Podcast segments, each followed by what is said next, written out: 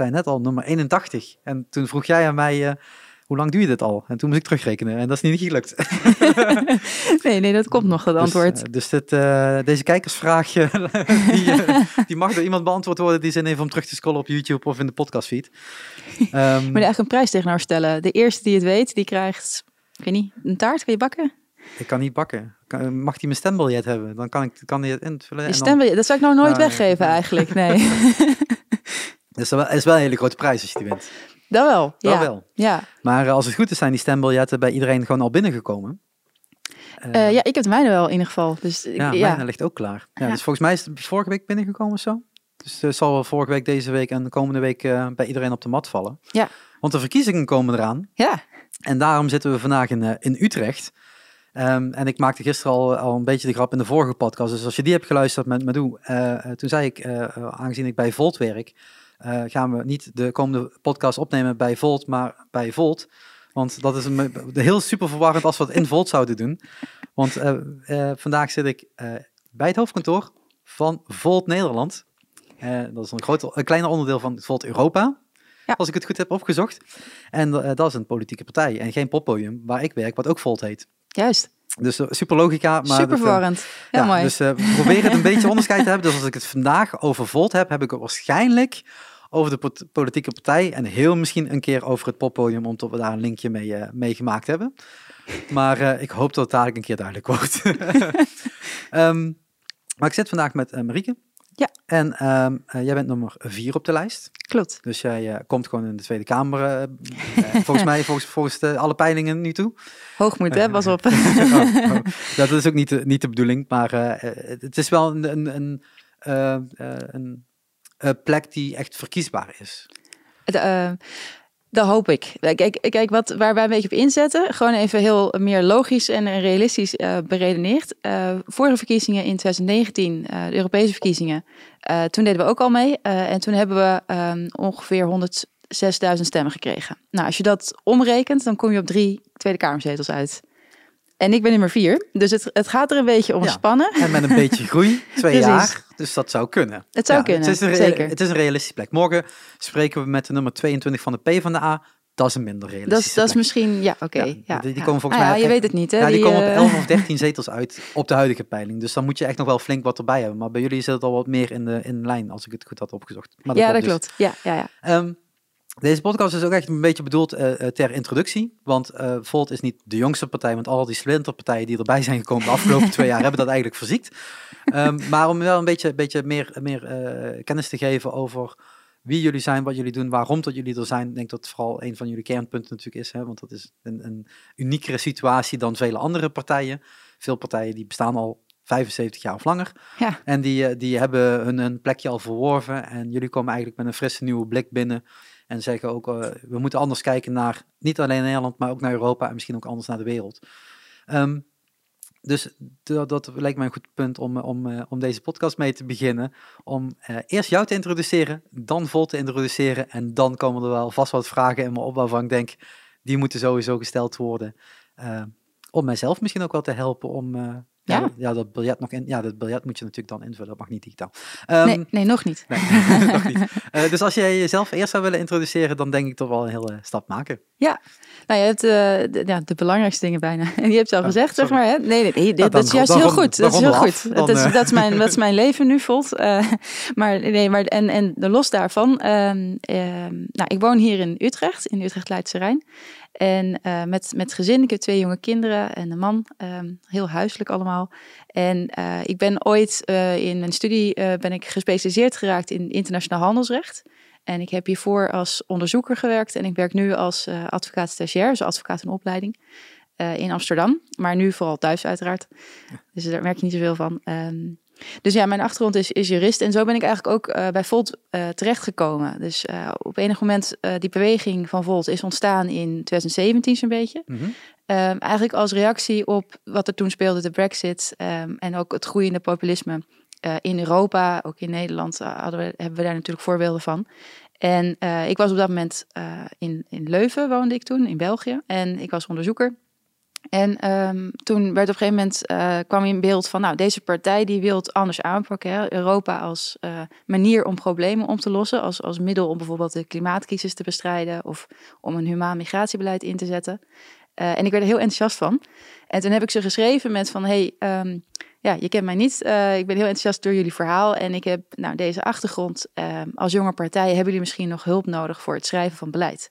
Dus ik ben ook echt zo binnenkomen rollen met mijn achtergrond van, nou, ik kan hier misschien wat mee. Maar je zegt, je was onderzoeker in Leuven. Ja. Wat, wat onderzocht je? Of welke, welke thema's oh, zaten um, Internationaal handelsrecht. Oh, dat, dus, oh, dan um, ook meteen internationaal handelsrecht. Ja, ja, En dan. Maar als je dan dingen onderzoekt, wat, welke connectie heeft dat meteen met beleidstukken maken? Want volgens mij is dat ene heel erg textueel, bureaucratisch, op de letter nauwkeurig. En de andere het onderzoek is, ja, het kan alle kanten nog op gaan. En we zien wel waar het uitkomt. Ja, dat klopt wel.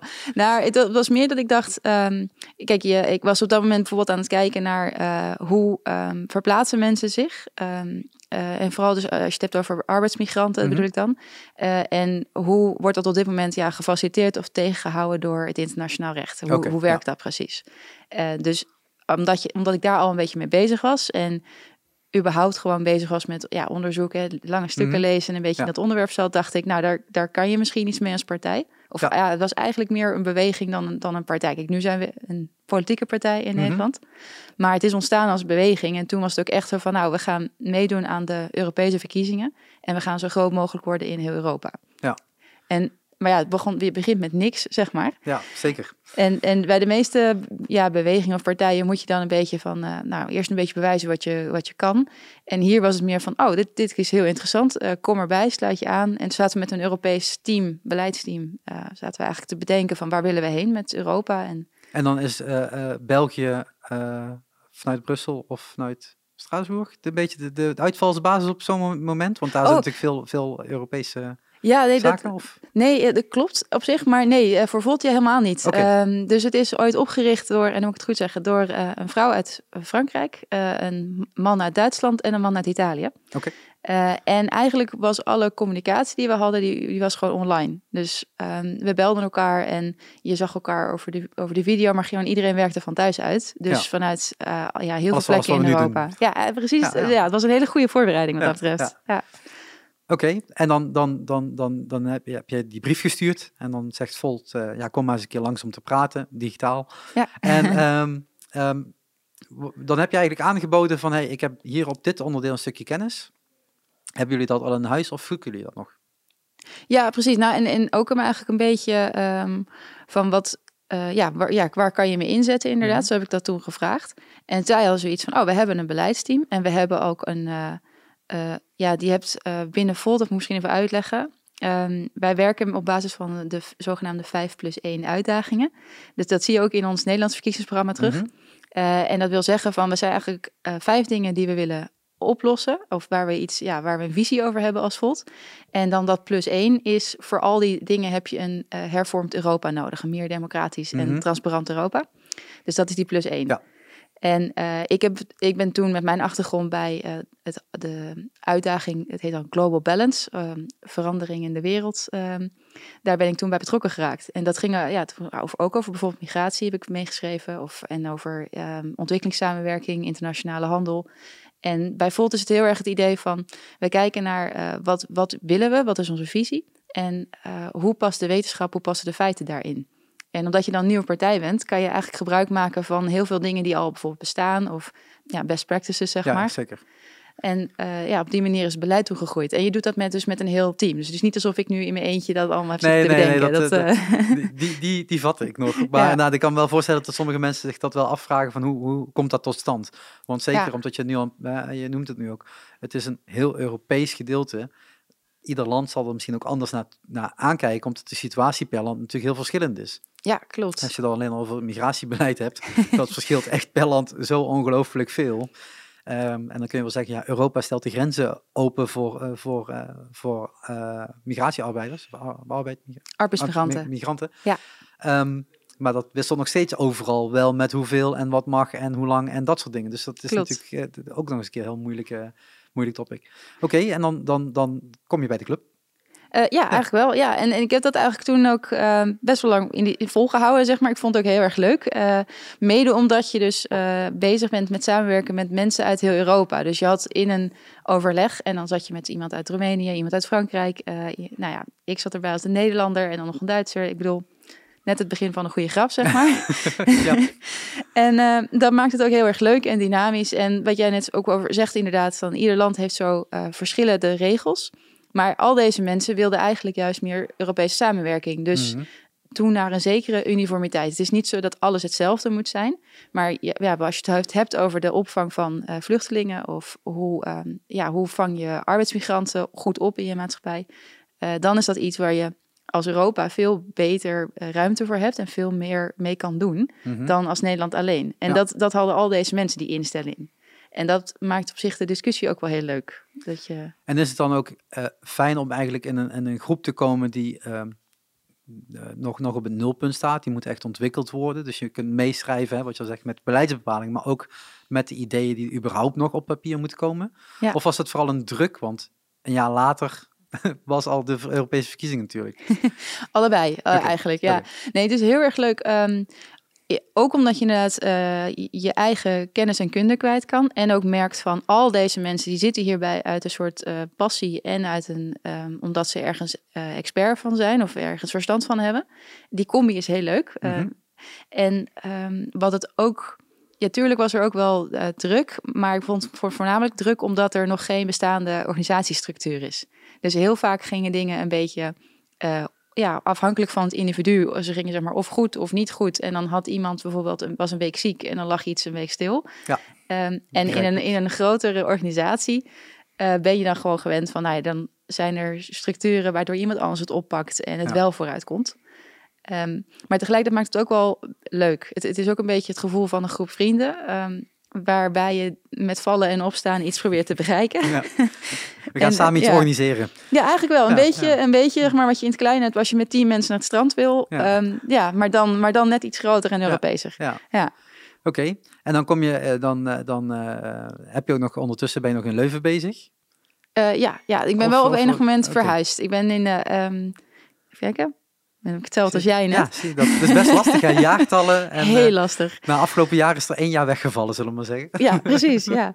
Uh, nee, maar ik ben uh, eind 2017 ben ik naar Nederland terug verhuisd. Uh, want mijn oudste zoon was toegeboren en mijn man en ik hadden toen op dat moment zoiets van, nou dan gaan we terug naar Nederland, net een beetje meer familie in de buurt. Mm -hmm. En hij kon op dat moment ook in Amsterdam werken. dus sinds die periode, sinds, die, sinds dat moment wonen we weer in Nederland. En toen ben ik ook Um, dus vanuit, um, toen, hè, toen de Europese kiezingen waren in 2019, toen ben ik dus vanuit Nederland meer aan het Europese beleid uh, uh, heb ik meegeschreven. Mm -hmm. En de, het verkiezingsprogramma wat we toen hadden, heb ik toen ook mede gepresenteerd in uh, Amsterdam. We hadden op enig moment een hele grote bijeenkomst in Amsterdam van, heel men, van mensen uit heel Europa met Volt. En dat was een soort van de kick-off van, nou ja, wij bestaan, we gaan meedoen aan de verkiezingen. Echt zo van, we komen naar buiten en... Uh... Ja, eigenlijk wel. Van, kijk, ja. hier, de wereld is paars. Ja. Uh, ja. Oké, maar dan, dan, dan, dan ben je daar meteen druk mee bezig. Dan, is dat dan ook meteen een voltijdsbaan? Of is dat gewoon, uh, ik doe het 50-50, want ik moet nog iets anders erbij doen? Of hoe? De, de, de insteek is dat het, het is allemaal vrijwilligerswerk. Okay. Um, en de insteek is dat je het doet naast je gewone leven. Um, maar mijn ervaring is, en dat, dat merk zie ik bij meer mensen, dat het heel snel ook wel je gewone leven een soort van overneemt. Ja, dat kan ik me voorstellen in een hele drukke periode. Ja. nee, maar dus um, nee, uiteindelijk heeft iedereen er gewoon nog ja, gewoon werk naast. En dat maakt het soms ook moeilijk om dingen te organiseren. Mm, omdat je, ja. Um, ja, je bent bezig met overdag met je gewone werkzaamheden. En dan s'avonds ga je aan de slag voor Volt.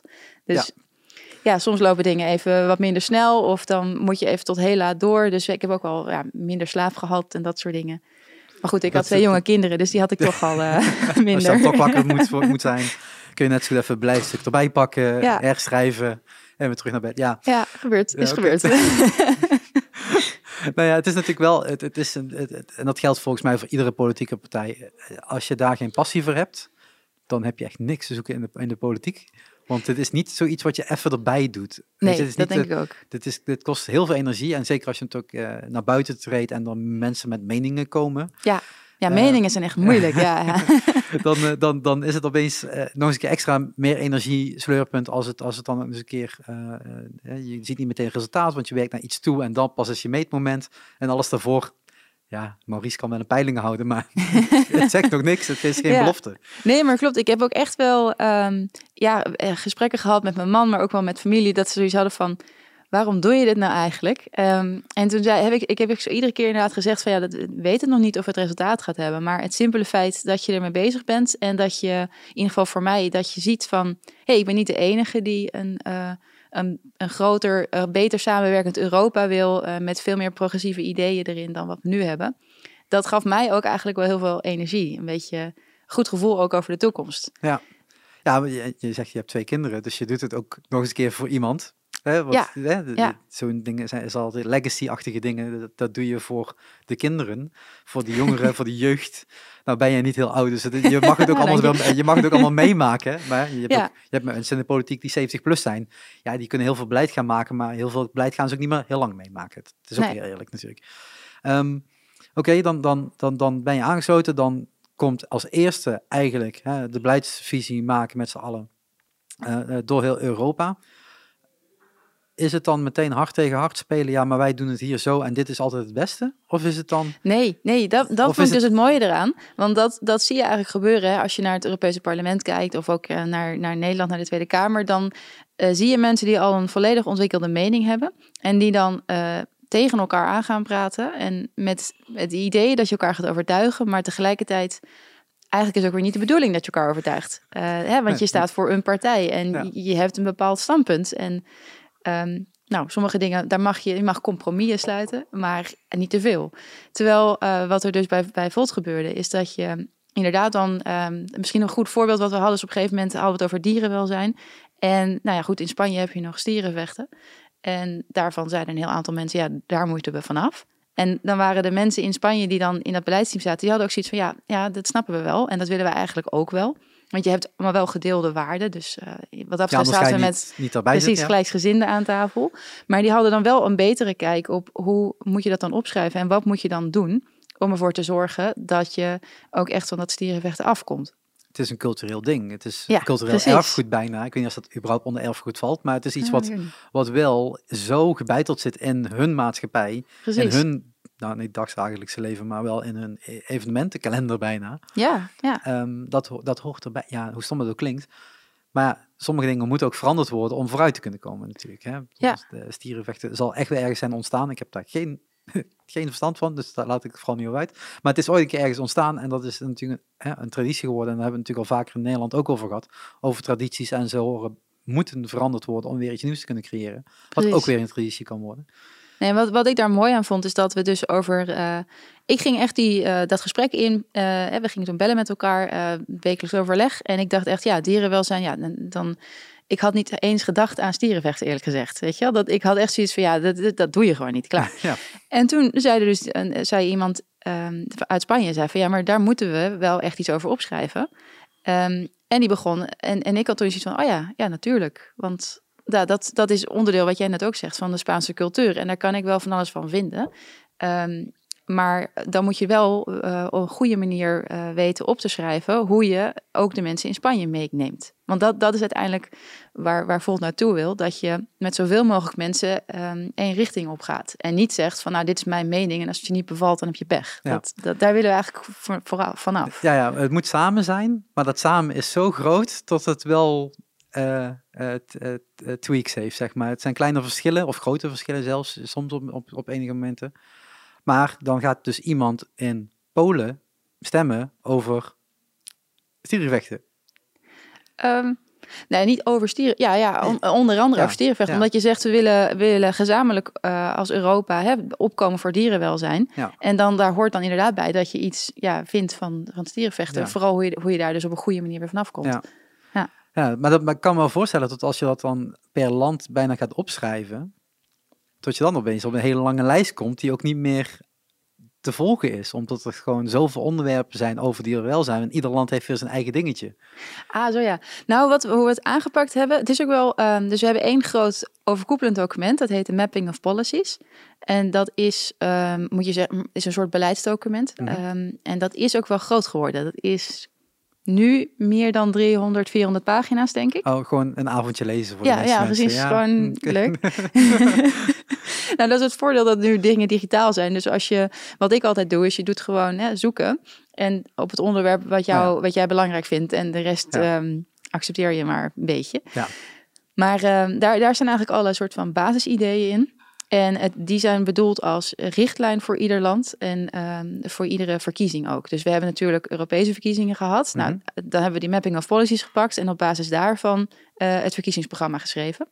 Maar je moet natuurlijk eh, bij verkiezingen altijd ook kijken naar, oké, wat speelt er nu? Eh, hoe, ja, waar positioneert Volt zich bijvoorbeeld?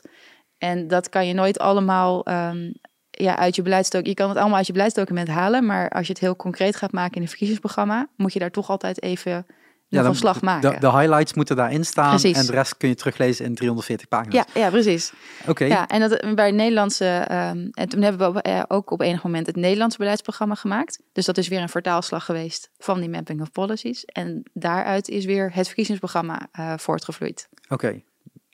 Dus er zit een Hele- gelaagde structuur. Ja, wacht, heel even daar pauze. Want dat eh, betekent dus dat je als eerste dus die mapping of policies hebt. Ja, dus het eigenlijk het Europese eh, het Eu- verhaal. Europese Ja. verhaal. Maar voor de Europese verkiezingen wordt daar weer een los document voor geschreven Ja. op basis daarvan. Ja. En dan krijg je nog eens een keer met alle Europese landen, die gaan nog eens een keer naar die mapping of policies kijken en halen dan voor hun eigen land daar weer de belangrijkste stukken uit voor hun eigen dan verkiezingen. In dit geval voor ons 2021, Ja. maar misschien in Frankrijk 2020 en voor Duitsland 2020. Ik weet niet nu toe hoe het precies loopt, maar Mhm. eh, Ja. oké. En dan, ook, en dan heb je dat ook nog, want ik ga het nog moeilijker maken, maar dan heb je dat ook Ja. nog eh, lokaal. Dus op het moment dat je, we hebben nu als Volt eh, meegedaan aan lokale verkiezingen in Bulgarije en Italië, in Duitsland. En ehm, ook daarvoor schrijf je dus weer een, eh, een gemeenteraadsverkiezing zoals in Nederland. Ja. En daar, daar schrijf je ook weer een, een verkiezingsprogramma voor. En die is dan weer op basis van de nationale variant of dan wel nog steeds vanuit die mapping of policies? Eh, allebei. Dus kijk, het is, ehm, ons streven is ook wel echt om een eh, uniform beleid uit te zetten hè, in heel, op alle bestuurslagen. Dus je, alleen omdat je natuurlijk altijd rekening houdt met lokale situaties, de lokale omstandigheden, Mhm. ehm, hebben we ook gezegd van kijk, die mapping of policies, dat zijn die kaders. Ehm, en hoe dat er vervolgens uitziet in bijvoorbeeld de gemeente Frankfurt, eh, want die hebben op 14 maart verkiezingen. Oké. Ehm, nou, dat, dat is aan de mensen in de gemeente Frankfurt. Zolang je maar wel in diezelfde lijn zit. Oké. En worden dan nu nog die mapping of policies aangepast? Of is dat echt gewoon het, het, het vaste document, een Nee. steen gebeiteld, dit is vol? dit, is, dit is ons manifest, ja. ja.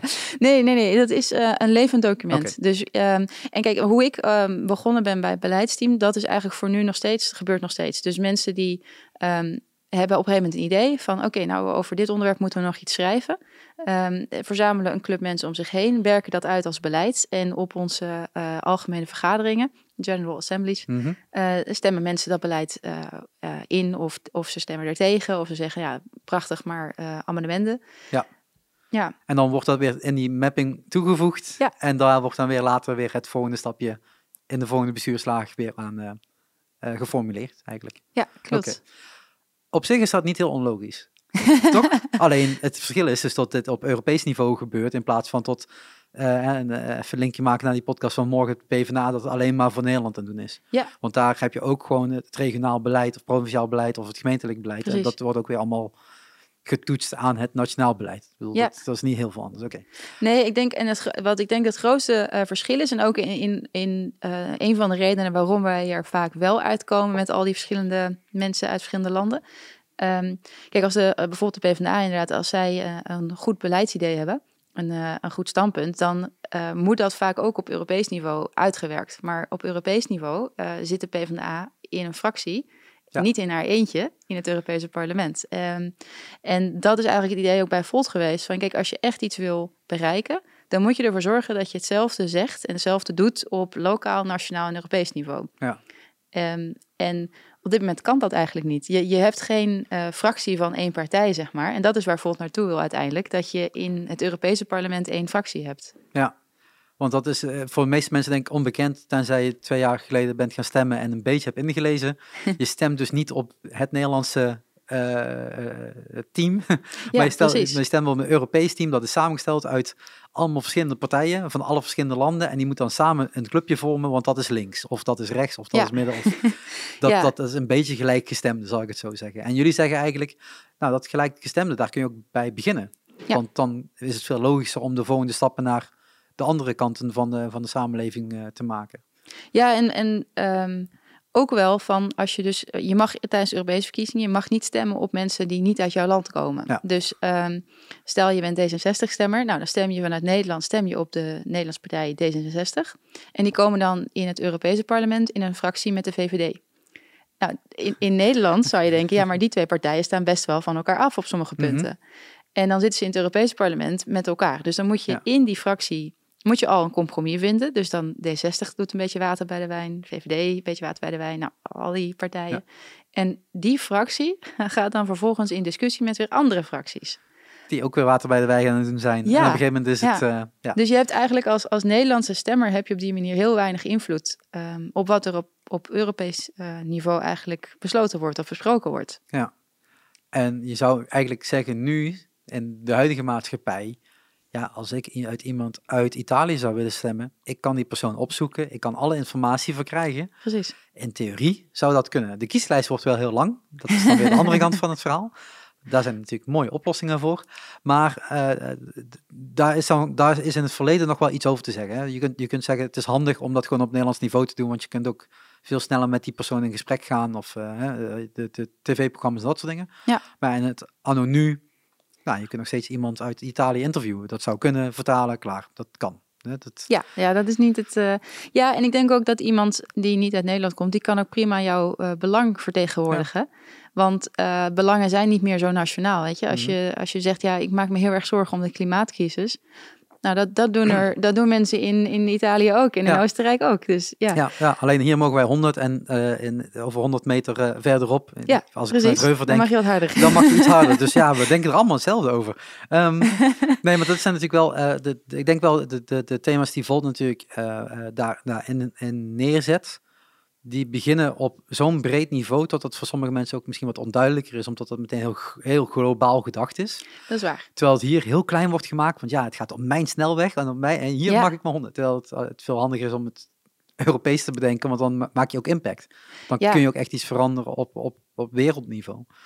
Um, we hebben het net over gehad over, over hoe je bij, bij Volt bent terechtgekomen. Het feit dat je mee en, en beleid maken bent. En ik denk dat het even goed is om dan nu te kijken naar hè, waar staan we nu. Mhm. Want je zegt al, uh, jullie zitten in het Europese parlement. Ja. Dus daar is nu de afgelopen twee jaar iets veranderd. Wat is er veranderd? nou, er is inderdaad één um, man uit Duitsland, Damian Boeslager. Die is nu um, als volvertegenwoordiger in het Europese parlement.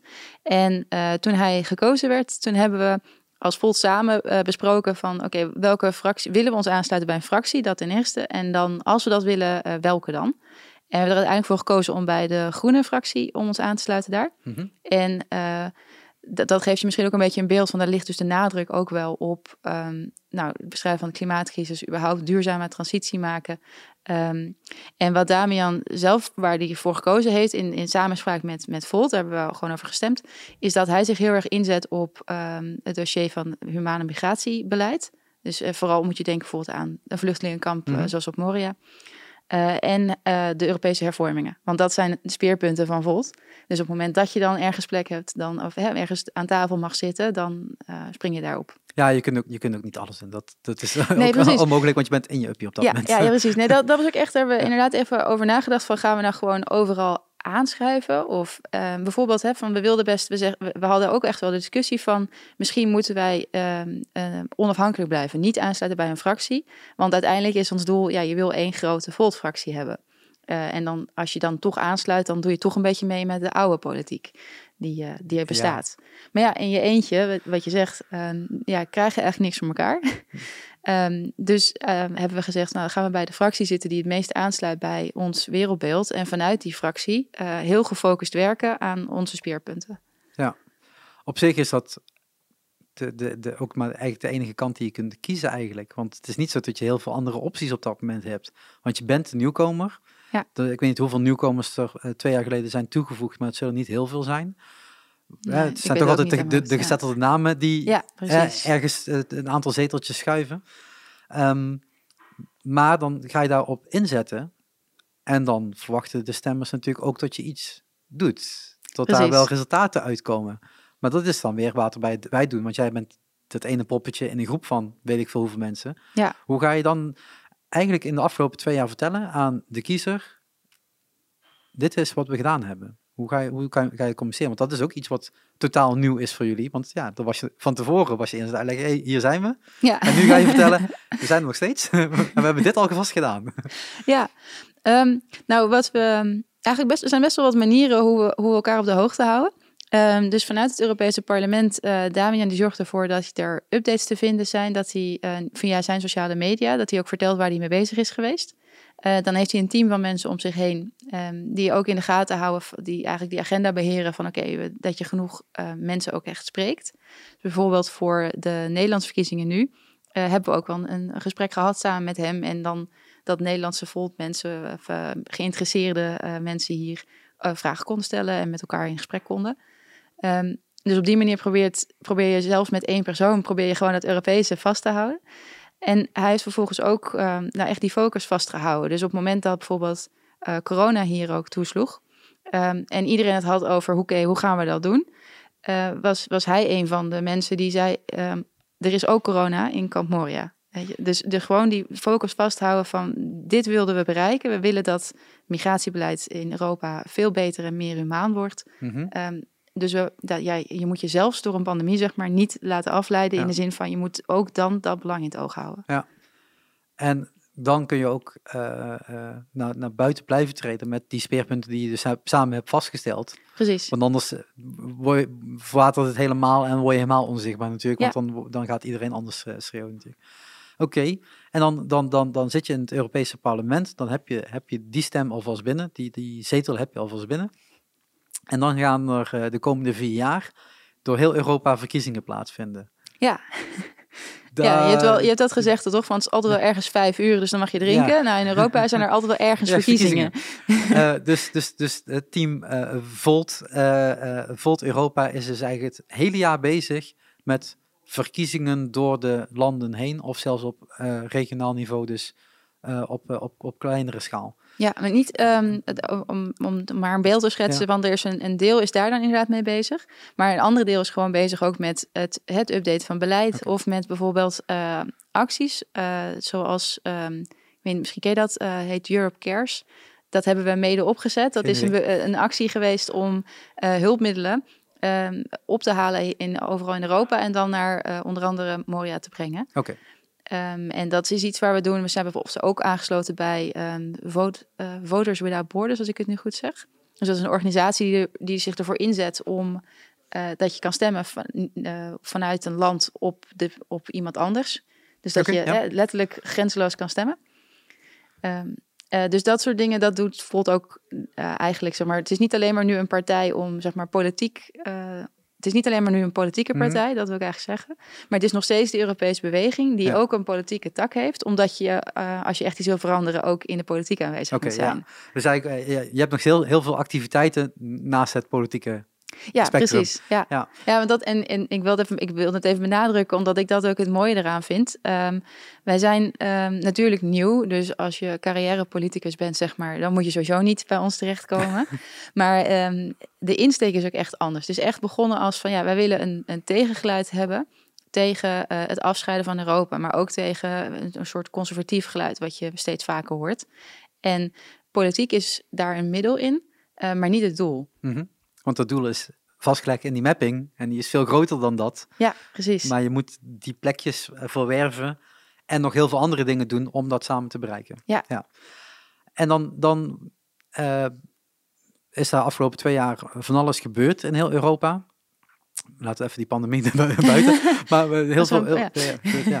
Ehm, eh, de, de, de, er is heel veel gebeurd. Er zijn allemaal verkie- verkiezingen al geweest. Dus jullie weten een beetje hoe de vibe is, zal ik het zo zeggen. Ja. En dan wordt er besloten, we gaan in Nederland ook meedoen. Ja. Wanneer beslis je zoiets? Want dat moet best vroeg volgens mij. Ehm, dat is een goede vraag. Ehm, Daarom stel ik hem. Ja. nou ja, nee, we zijn, ehm nou, we zijn Volt is officieel een partij geworden in 2018 in Nederland, in, eh, in de zomer van 2018, juni. En eh, eigenlijk was het toen wel duidelijk van hier willen we ook eh, gaan meedoen aan de verkiezingen, de Europese verkiezingen op dat moment. En hier haalden we eigenlijk ja, best wel veel succes. Ehm, we, hebben geen, we hebben niet genoeg stemmen gekregen toen om een zetel voor het eh, parlement echt binnen te halen vanuit Nederland. Maar ja, dus wel 106.000 en een beetje mensen. Dus op dat moment werd ook gezegd van oké, hier is wel het draagvlak in Nederland om dit, om dit te doen groeien. Ehm, en laten we dan maar ambitieus zijn en ook echt meteen meedoen met de nationale verkiezingen. Dat is denk ik gewoon een beetje het idee geweest. Ja, de afgelopen jaren hebben we natuurlijk een aantal partij- partijen gezien die juist niet nationaal meededen, maar regionaal. Ja, klopt. Ehm, en die dan later nationaal zijn mee gaan doen. Maar dit is dus eigenlijk gewoon eerst beginnen bij nationaal, kijken wat we kunnen doen. Want we weten dat er een ach- achterban is. Ja, en het komt ook een beetje voort uit het eh, gevoel van we willen echt nu iets veranderen. Dus een soort gevoel van urgentie. En ook, ehm, we hebben niks te verliezen. Weet je, dit, we zijn. je kunt geen zetel kwijtraken. Dus we kunnen niks bijdragen. We kunnen, en we kunnen dat risico nemen om echt stelling te nemen. En dat kan, ja, ook de nationale politiek kan dat ook wel gebruiken.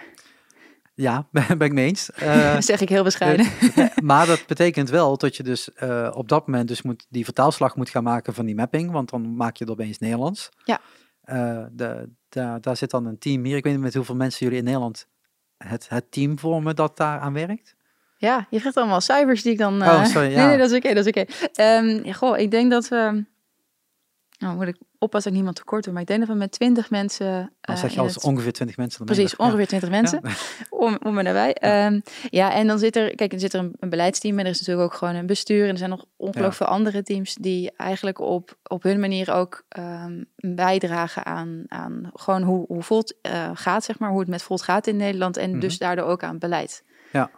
Maar dat betekent dan dat je dus eigenlijk de afgelopen eh 2,5 jaar, Mhm. buiten het feit dat je dan in het begin natuurlijk heel erg op de Europese kant hebt gezeten, Ja. maar daarna de omslag van, oké, we gaan ook voor Nederland.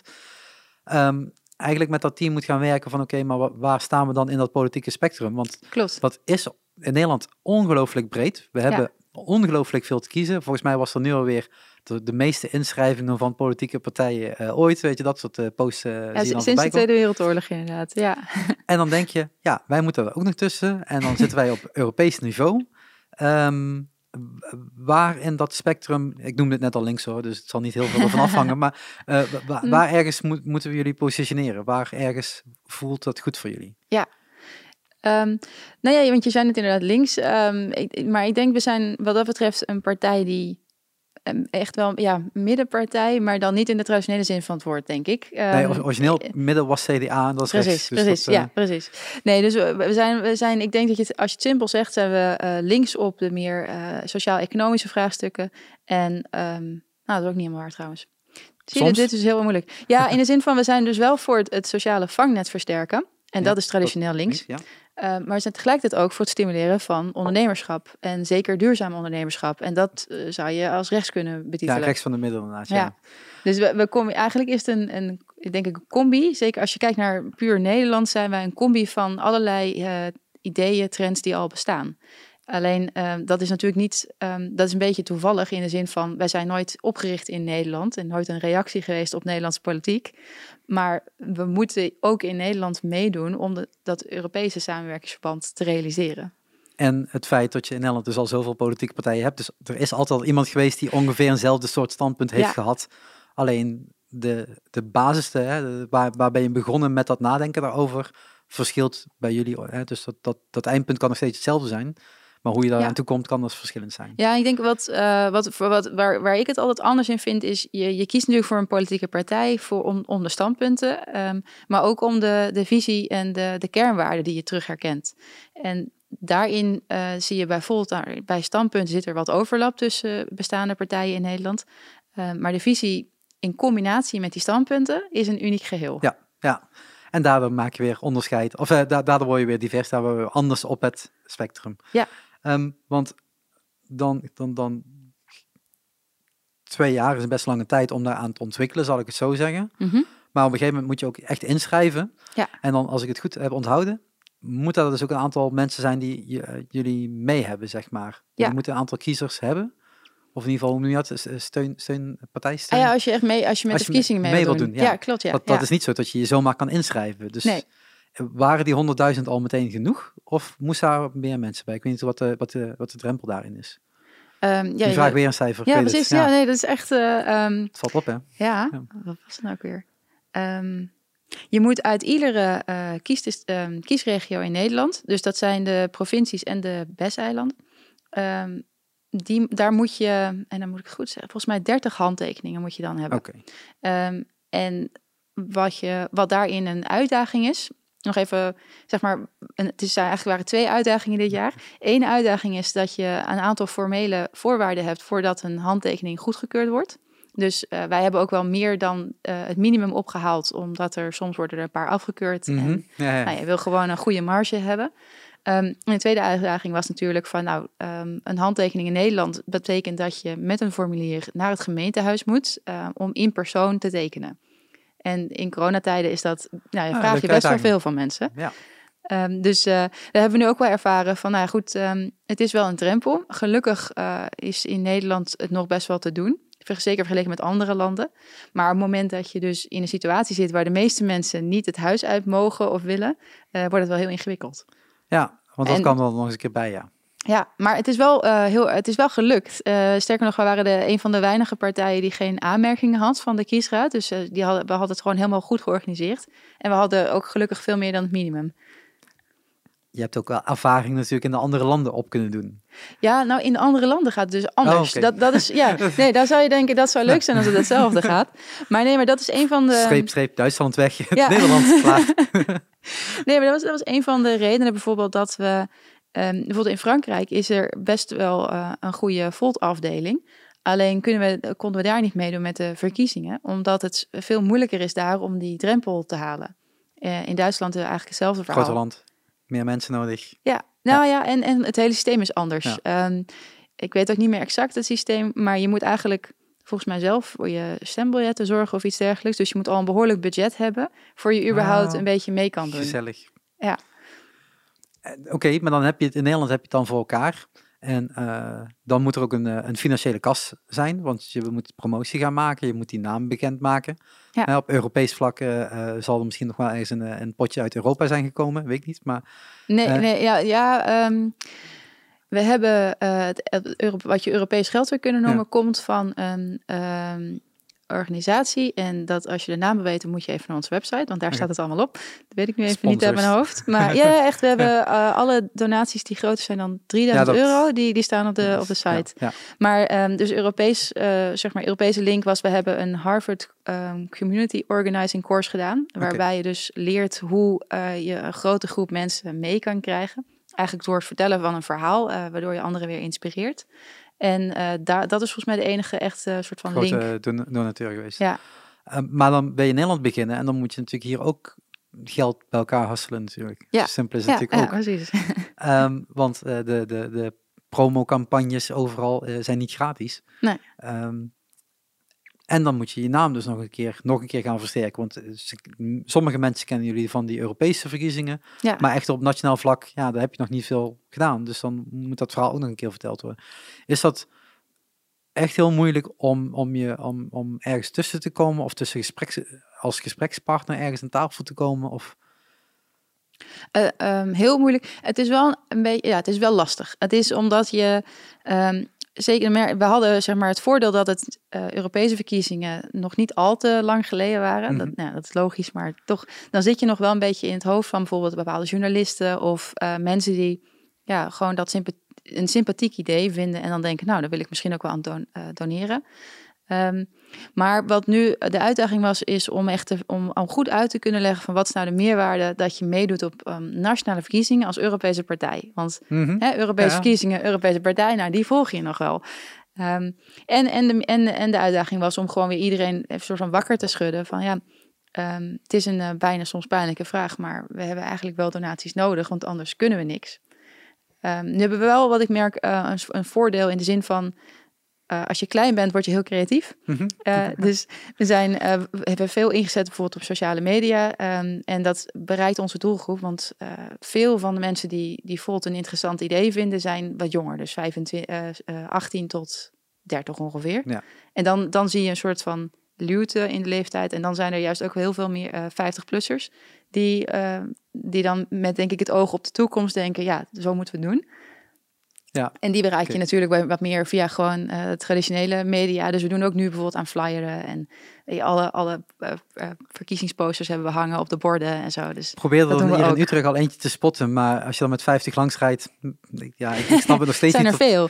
Ja, ja, het zijn er gewoon te veel. Je ziet het gewoon niet. Je ziet gewoon een, een, een bord en dat is eigenlijk hetgeen wat je, en dan denk je, oh ja, verkiezingen. Maar je ziet niet de details meer. Dat... Volgens mij zeiden ze van die borden ook, was dat niet eergisteren of zo, dat ze hadden gezegd van ja, dit heeft echt nul effect op, ja. op, de, op iemands stemgedrag, maar het is een traditie, dus we laten het maar zo. Gaan we met die tradities. Ja, dat echt leuk. Het kost papier, het is, uh, het is wel werkgelegenheid, dus het scheelt. Het kost echt bakken met geld altijd. um, nou ja, we, we, hebben vanuit, vanuit uh, de, de, de cultuursector waar ik in werk natuurlijk ook vaak met posters te maken en ook ophangen ja. en dat soort dingen. En ik ben ook altijd niet, niet zozeer tegen op hele grote borden ophangen, maar ik weet gewoon, ja sorry, maar als ik daar langs rijd met 50 of 80 km per uur, ga ik dat ding gewoon niet lezen. Nee. Dus dan moet het meteen een gevoel geven en anders heeft het geen zin. Ja. Dus als ik, als ik het woord Volt al niet kan lezen, ja. Als het nou bij de politieke partij is of bij het poppodium, dan houdt het op. Want ik ga, ik ga misschien nog net de bandfoto herkennen. Maar de, de, naam van de band is al onleesbaar. Of de datum of tijd. Of dat, dat is allemaal van die dingen. Er staat zoveel op een poster vaak. En ik weet niet, als je, uh, als je bijvoorbeeld door Amsterdam uh, fietst of rijdt. Ja, dat laat wel af. Uh. Ja, daar staan er, staan er zoveel. Ja. ja, er staat er zoveel op dat je denkt, ja, maar waarom hangt hier een poster? Want het heeft echt gewoon nul effect. Ja. Nou, wat ik, wat ik wel heb gedacht, maar dat is dan meer voor uh, kleine partijen of nieuwe partijen zoals Volt. Uh, van uh, we hebben wel wat aan de dat het feit dat mensen überhaupt de naam een keer zien. Ja. Um, wat um, geen campagnedoel was, maar eigenlijk wel zo gewerkt heeft, is dat de kieswijzers op een gegeven moment uitkwamen. En mm -hmm. ja, toen kregen ineens mensen een soort van goede match eigenlijk wel met Volt. Ja. En dan ze echt zoiets van, maar wie zijn die lui dan? Ja, dus als het dan, dan GroenLinks en dan krijg je Volt en dan krijg je misschien D66 een kant Ja, dat op. is een heel logisch rijtje. en dan, ja, en, en dat dan kan je, heel goed. Maar je staat wel tussen. En dan, ja. Die twee ken ik, die. Daar moet ik even iets meer over weten, want moet ik daar wel of niet op staan? Ja. Oké. Okay. Um, want dan, dan, dan, dan ben je dus met die verkiezingen bezig en dan heb je dus een partijprogramma. En dan zeg je al van het is 5 plus 1. Ja. Welke pijlers zijn er in Nederland echt nu de vijf die dus nu op de, op de lijst staan? Alle, we hebben alle vijf eigenlijk. Ja, ja, alle, de- alle de- vijf plus één ook, hè? Ehm, Ja, de, ehm, de plus 1 is alles Europa, toch? de hervorming van, Euro- Ja. van de Europese Dus, inst dus, instituten. dus wat zijn ja. de andere vijf? Ehm, Voordat we dat helemaal gaan overslaan in deze podcast, dat zou ook ja, zijn. precies, precies. Ehm, oh, ik wil eigenlijk wel nu het verkiezingsprogramma, dat ik het goed eh, zeg allemaal. Ja, wil, wil je het echt erbij hebben? Het is misschien wel handig. Ja, want dan, ander, weet je, het heeft namelijk mooie titels en zo. En wat, ik ga dat niet mooi netjes kunnen opnoemen nu. Ja, ik ook niet. Ik heb ze niet, ik heb ze niet uit mijn hoofd geleerd. Ik denk, jij bent er dagelijks mee bezig. Ja, ja, dat, dat wel. Nee, maar kan je ook wel heel veel vertellen over de standpunten. Maar de, de echte titels, kijk, dat is... ehm, Zijn, zijn dat de titels ook meteen, of moet je dan eerst op, je, op het hele plan klikken? ehm, ja, even kijken. Heb je nou de titels? Dit is, dit is leuk, eh, Dit is een leuke leuk om naar podcast. te luisteren. Ja, ook. maakt niet ja, uit. precies. Soms heb je gewoon radiostilte, mensen. Ik ga even gewoon, ik ga even gewoon het programma downloaden. Ja, dan ga ik het gewoon Kijk. hebben over popo. Nee. Ja, dat is ook leuk. Ehm, nee, zie, kijk, het- want dat waren ze niet. Het is ehm, in Nederland, dat is ook een ding, even om mezelf hier een beetje beter weg te zetten. Ehm, in het Engels hebben we andere titels dan in het Nederlands. Ja, want dan moet je weer een vertaalslag hebben wat logisch klinkt. Een En- letterlijke vertaalslag, Ja, precies. Ja, ja, Nee, dus we hebben die 5 plus 1 hebben we in het Nederlands vertaald als, eh, nou, pijler 1, meer balans in een veranderende wereld. Hè? Dus dat waar ik net over vertelde, dat is eh, die global balance waar Mhm. ik eh, binnenkwam. Ehm, een nieuwe kijk op de economie. Dat heet in het Engels is dat economic renaissance. Dus in de zin van, we willen een vernieuwde manier van hoe bekijk je, hoe bekijk je welvaart. Of niet, van, niet alleen maar kijken naar welvaart, maar kijken ook naar welzijn. En wat Mhm. valt er allemaal onder. Eh, dan heb je gelijke kansen voor iedereen. Eh, social equality. Nou, dat Makes spreekt wel voor ja, precies. Eh, en de, de publieke zaak opnieuw ingericht. Ehm, en dan moet je eigenlijk denken aan de, gewoon de overheid. Laten we het, laten we het heel, heel, heel simpel gezegd. Ja, dat is Eh, prima. alle, alles, alles wat daarmee te maken heeft van heb je een sturende overheid of hè, eh, meer Moet je zeven, zeven keer je handtekening zetten voordat je iets Precies. gedaan krijgt. Ja, ja, dat soort dingen. Ja. Ja. Nou, en eigenlijk nog vooral meer van ehm, hoeveel maatwerk ehm, sta je toe in je systeem, zeg maar. Hoe, Mm. hoe, hoe zet je erop in dat mensen ook gewoon echt eh, de overheid kunnen ehm, benaderen, toegang hebben ja. Tot, tot hun rechten. En dan de, de vijf is meer inspraak op elk niveau. En dat is die, we hebben het nog eigenlijk niet zo heel veel over gehad, denk ik, maar dat is het idee dat je ehm, verdere democratisering wil van ehm, heel Europa. En dat is bijvoorbeeld ook in Nederland relevant. Wij zeggen bijvoorbeeld van we willen niet iedere, jaar, eh, iedere vier jaar stemmen. eh, maar we willen juist dat mensen veel vaker om, om hun ideeën gevraagd wordt. En veel, dat je veel vaker inspraak hebt op lokaal en nationaal en ook Europees niveau. Ja. Eh, en ja, nou goed, de, de plus één is dus de, de Europese Unie van de 21ste eeuw. Oftewel die verdere democratisering en, en ook transparantie van Ja. de Europese instituten. Ehm, eh, ik ga toch even de telefoon terugvragen, Ja. want ik ga je gewoon op alle punten ga ik je een vraag stellen. We, hadden, we hebben natuurlijk eh, de- de- deels afgesproken waar we het over gingen hebben. Dat stond in ieder geval in de mail en dat ging vooral over cultuursector, maar Ja. daar zijn we nog helemaal niet geraakt. Nog niet, nee. Ehm, nee, maar Nou, we hebben het over poppodia. ja, Dat is wel leuk. omdat het Volt ook heet. Ehm, blijf gewoon reclame maken voor Volt vandaag, joh. Eh, morgen doen we alles op PvdA. Ehm Is er ook een poppodium dat PvdA heet? Want dan, moet je dan, dan kan je leuk matchen Ah, aan nee, elkaar. dat eh, weet ik niet. Moet ik opzoeken vanavond dan.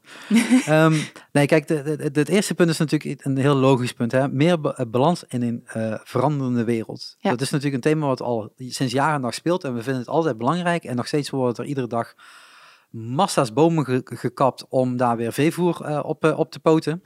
Ehm, eh, want er moet nog steeds vleesindustrie zijn. Terwijl ik denk, waarom hebben we vleesindustrie nodig? Ja. Afgelopen week eh, was er bij de Albert Heijn eh, een nieuw schap. Nog meer vega ve- ja, eten. het, ja. ja. Iedereen blij op, op, op, op mijn socials, want da- daar zitten gewoon veel mensen die vegetarisch Ja, eten. bubbel, ja. dus iedereen happy. Maar ehm, eh, het is natuurlijk wel zo, kijk, als er staat klimaat, landbouw en natuur en veiligheid en, en vluchtelingen. In Nederland wordt daar ongelooflijk veel geld heen gebracht. Want wij zijn natuurlijk een heel erg eh, eh, boerenlandschap. Er zijn, er zijn Ah, landbouw, heel- la- ja. landbouw, er zijn natuurlijk heel veel dingen die gebeuren eh, rondom die thema's. De afgelopen jaren hebben we gezien dat er massa's eh, windmolens zijn geplaatst. Eh, we zien dat duurzame energie op ieder reclamespotje opeens belangrijk is geworden. De, de aanvraag voor de elektrische auto was er in twee dagen doorheen en de rest Ja. van het geld was weer op. Klopt, ja. En dan komen jullie binnen en jullie zeggen, ja, dat willen wij ook. en dat is ons eerste punt. Of zeg ik nu iets heel vreemds? Nee, niet per se. Nou, nee, maar ik moet ook zeggen, we krijgen eh, ja, nou, best wel vaak in, inmiddels de vraag van, nou, maar hoe zijn jullie dan anders dan andere partijen? Ja. En ehm, volgens mij is het eerlijke antwoord, waar we ook helemaal niet eh, moeilijk over hoeven doen, eh, er is best wel veel overlap. Omdat we eigenlijk, zeker in Nederland, hebben we al heel veel diversiteit van ideeën. En ehm, we zijn al best een welvarend land en progressief land. Enig, ja, Soms. Precies, ja, dank je. Maar eh, zeker op het, op het, als het aankomt op het gebied van eh, de klimaatcrisis bestrijden en de biodiversiteit beschermen, dan ehm, is in ieder geval eh, de tendens dat we daarover praten in termen van we willen dat meer duurzaam maken. Dat het nog niet genoeg gebeurt Mhm. en dat we soms dingen zeggen en anders doen, zeg Ja, maar. ja, ja. Dat, dat gebeurt ook. Ja. Maar, ehm, dus het is niet verwonderlijk, denk ik, ehm, zeker als jonge partij, eh, dat je gewoon een heleboel jonge mensen hebt die zeggen, ja jongens, dit is, dit is een beetje het eerste en misschien wel het meest belangrijke wat we nu op moeten lossen. Dat het niet straks drie graden warmer wordt op de hele wereld en dat we niet alle biodiversiteit kwijt zijn. Ja, ik wil naar buiten kijken. Het was echt lekker warm vandaag weer. Terwijl het nog steeds februari is, mensen. Het is, het is een beetje. Ik, ik, ja, weet je, ik weet dat je er, zeg maar, je hebt, het is een heel gemixt gevoel. Want aan de ene kant is het lekker dat je wat zon hebt. Maar ik, ik werd er echt een beetje naar van. Dat ik denk, oh, ik zie bloemen buiten. En eigenlijk wil ik heel blij zijn als ik bloemen buiten zie. Eh, maar niet in februari. En Ja. dan word ik er naar van. Ja, en dat is het. het, eh, bedoel, eind, begin van de maand lag alles vol met sneeuw. Ja, Mam kwam langs en die zegt: Sneeuwklokjes bij jou in de tuin. Je, hebt- je hebt niet eens een tuin en je hebt wel sneeuwklokjes. Hoe kan dat dan weer?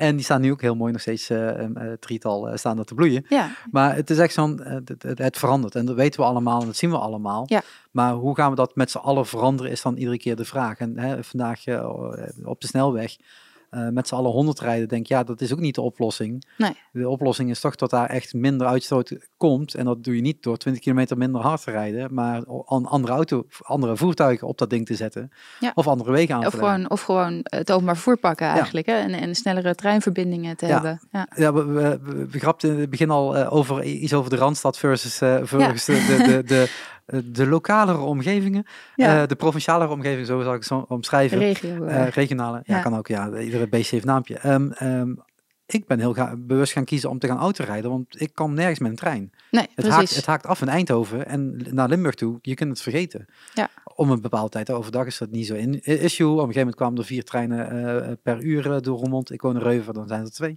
Maar het, het is natuurlijk wel een, een moeilijk thema om opeens te veranderen. Ja. En ehm, het moment dat je dan nu zegt van nou, we vinden het belangrijk dat daar een verandering in komt. Hè, dat zijn gewoon de eerste vier punten op jullie lijst. Ja. Ehm, eigenlijk zeggen jullie van oké, we willen eigenlijk wat er nu is ingezet vooral voortzetten. Mhm. En dat nog een keer verbeteren op, op plekken waar het ook op Europees niveau impact kan gaan maken. Of zeg ik dat dan verkeerd? Ehm, Want gedeel- gedeeltelijk wel. Hè? Dus eigenlijk op de, op de punten waar... even denken. Kijk, want je zegt van nou voortgaan op de, de lijn die nu is ingezet. Er, er is inderdaad een groep mensen die zegt... hey, we moeten daar nu heel snel wat aan gaan veranderen. Mhm. Op die lijn zitten wij ook. Maar er zijn ook, in, ook nog genoeg mensen, vrees ik, die eigenlijk zeggen van nou ja, leuk die verandering, maar ik wil wel. En dan komt er iets wat je Ja, niet ja. gaat opgeven. Of. En, en Volt zegt eigenlijk van ehm, we moeten eigenlijk allebei nu gaan doen. Moet, je je moet en doorgaan op de lijn van dat je bijvoorbeeld minder gaat autorijden en dat je betere eh dat is hoge gelukt afgelopen jaar. nou, precies. Ja, maar, maar oprecht, want volgens mij is dat in eh, maart toen, vor- vorig jaar, is dat wel echt gemeten. Van er is, er is minder eh, uitstoot. En er was ook, geloof ik, minder ehm, trillingen in de grond. Dus kun je nagaan hoe, hoe grote impact dat heeft als wij iedere dag naar ons werk rijden. Ja, en als je dat een jaar lang doet, hè, want toen was het natuurlijk, dat, dat, dat, het corona kwam in en toen ging ook die 100 kilometer in. Ja. Dat, dat viel heel mooi samen met elkaar. en toen gingen ze zeggen, ja, we meten nu minder. Ja, maar we zitten ook allemaal We binnen. rijden helemaal niet, ja. dus, dus het is niet een hele eerlijke meting. Ehm, Nee. Maar, eh, maar inderdaad, ja, doe je dat een jaar lang en je doet dat twee jaar lang, vijf jaar lang, tien jaar lang. Ja. Ja, dan wordt die impact is niet tot dat heel mondjesmaat gaat, maar dat is een, een lijn die opeens heel hard naar boven gaat natuurlijk, tot Nou ja, de impact en- groter wordt. En je merkt het natuurlijk onmiddellijk aan hoe, hoe, hoe schoon je lucht is. En ik bedoel, kijk, in de, in de Nederlandse steden al, als je daar opgroeit, dan heb je zo, eh, word je zo vaak blootgesteld aan lucht die eigenlijk giftig is, dat je ook echt minder goede ontwikkeling ziet van de longen van kinderen uit nou, de Randstad dan. Ja. En ehm, ik ben zelf ehm, een aantal keer in China geweest, want mijn man die eh, komt uit China. En daar merk je dat natuurlijk nog veel meer. En dan merk je dus ook op het moment dat je eh, daar maatregelen tegen neemt. Dat heeft ongelooflijke impact op je dagelijks leven. Ja, hier is het, eh, in Nederland hebben we heel veel ruimte. Hè? Gewoon echt heel veel vierkante meters per persoon. Oh, zo ja, ja, Ja, precies. En, ja, en daar ja. is dat iets meer op elkaar gebouwd. En dan is dat inderdaad opeens een heel impact op een, op een, op een plek. Dan, dan, dan merk je het verschil direct. Ja. Terwijl ik zeg, ja, ik heb geen last van die, van die rook allemaal. Want ik woon in een hele rustige omgeving. ik zie, het enige wat we hebben zijn twee boeren denk ik in de omgeving. En dat zit, heb ik ook last van. Maar dat is een ander. Ehm, ehm, nee, maar, dat, het, maar ik, dat, dat, dat standpunt sta- snap ik. En je zegt net ook, eh, we moeten eigenlijk alle twee de lijnen op dit moment, hè, de, de lijn die nu is ingezet. En we moeten er eigenlijk een li- lijn langs zetten van die wat progressiever is, die wat harder de maatregelen aan gaat pakken om wat meer stappen sneller te gaan maken.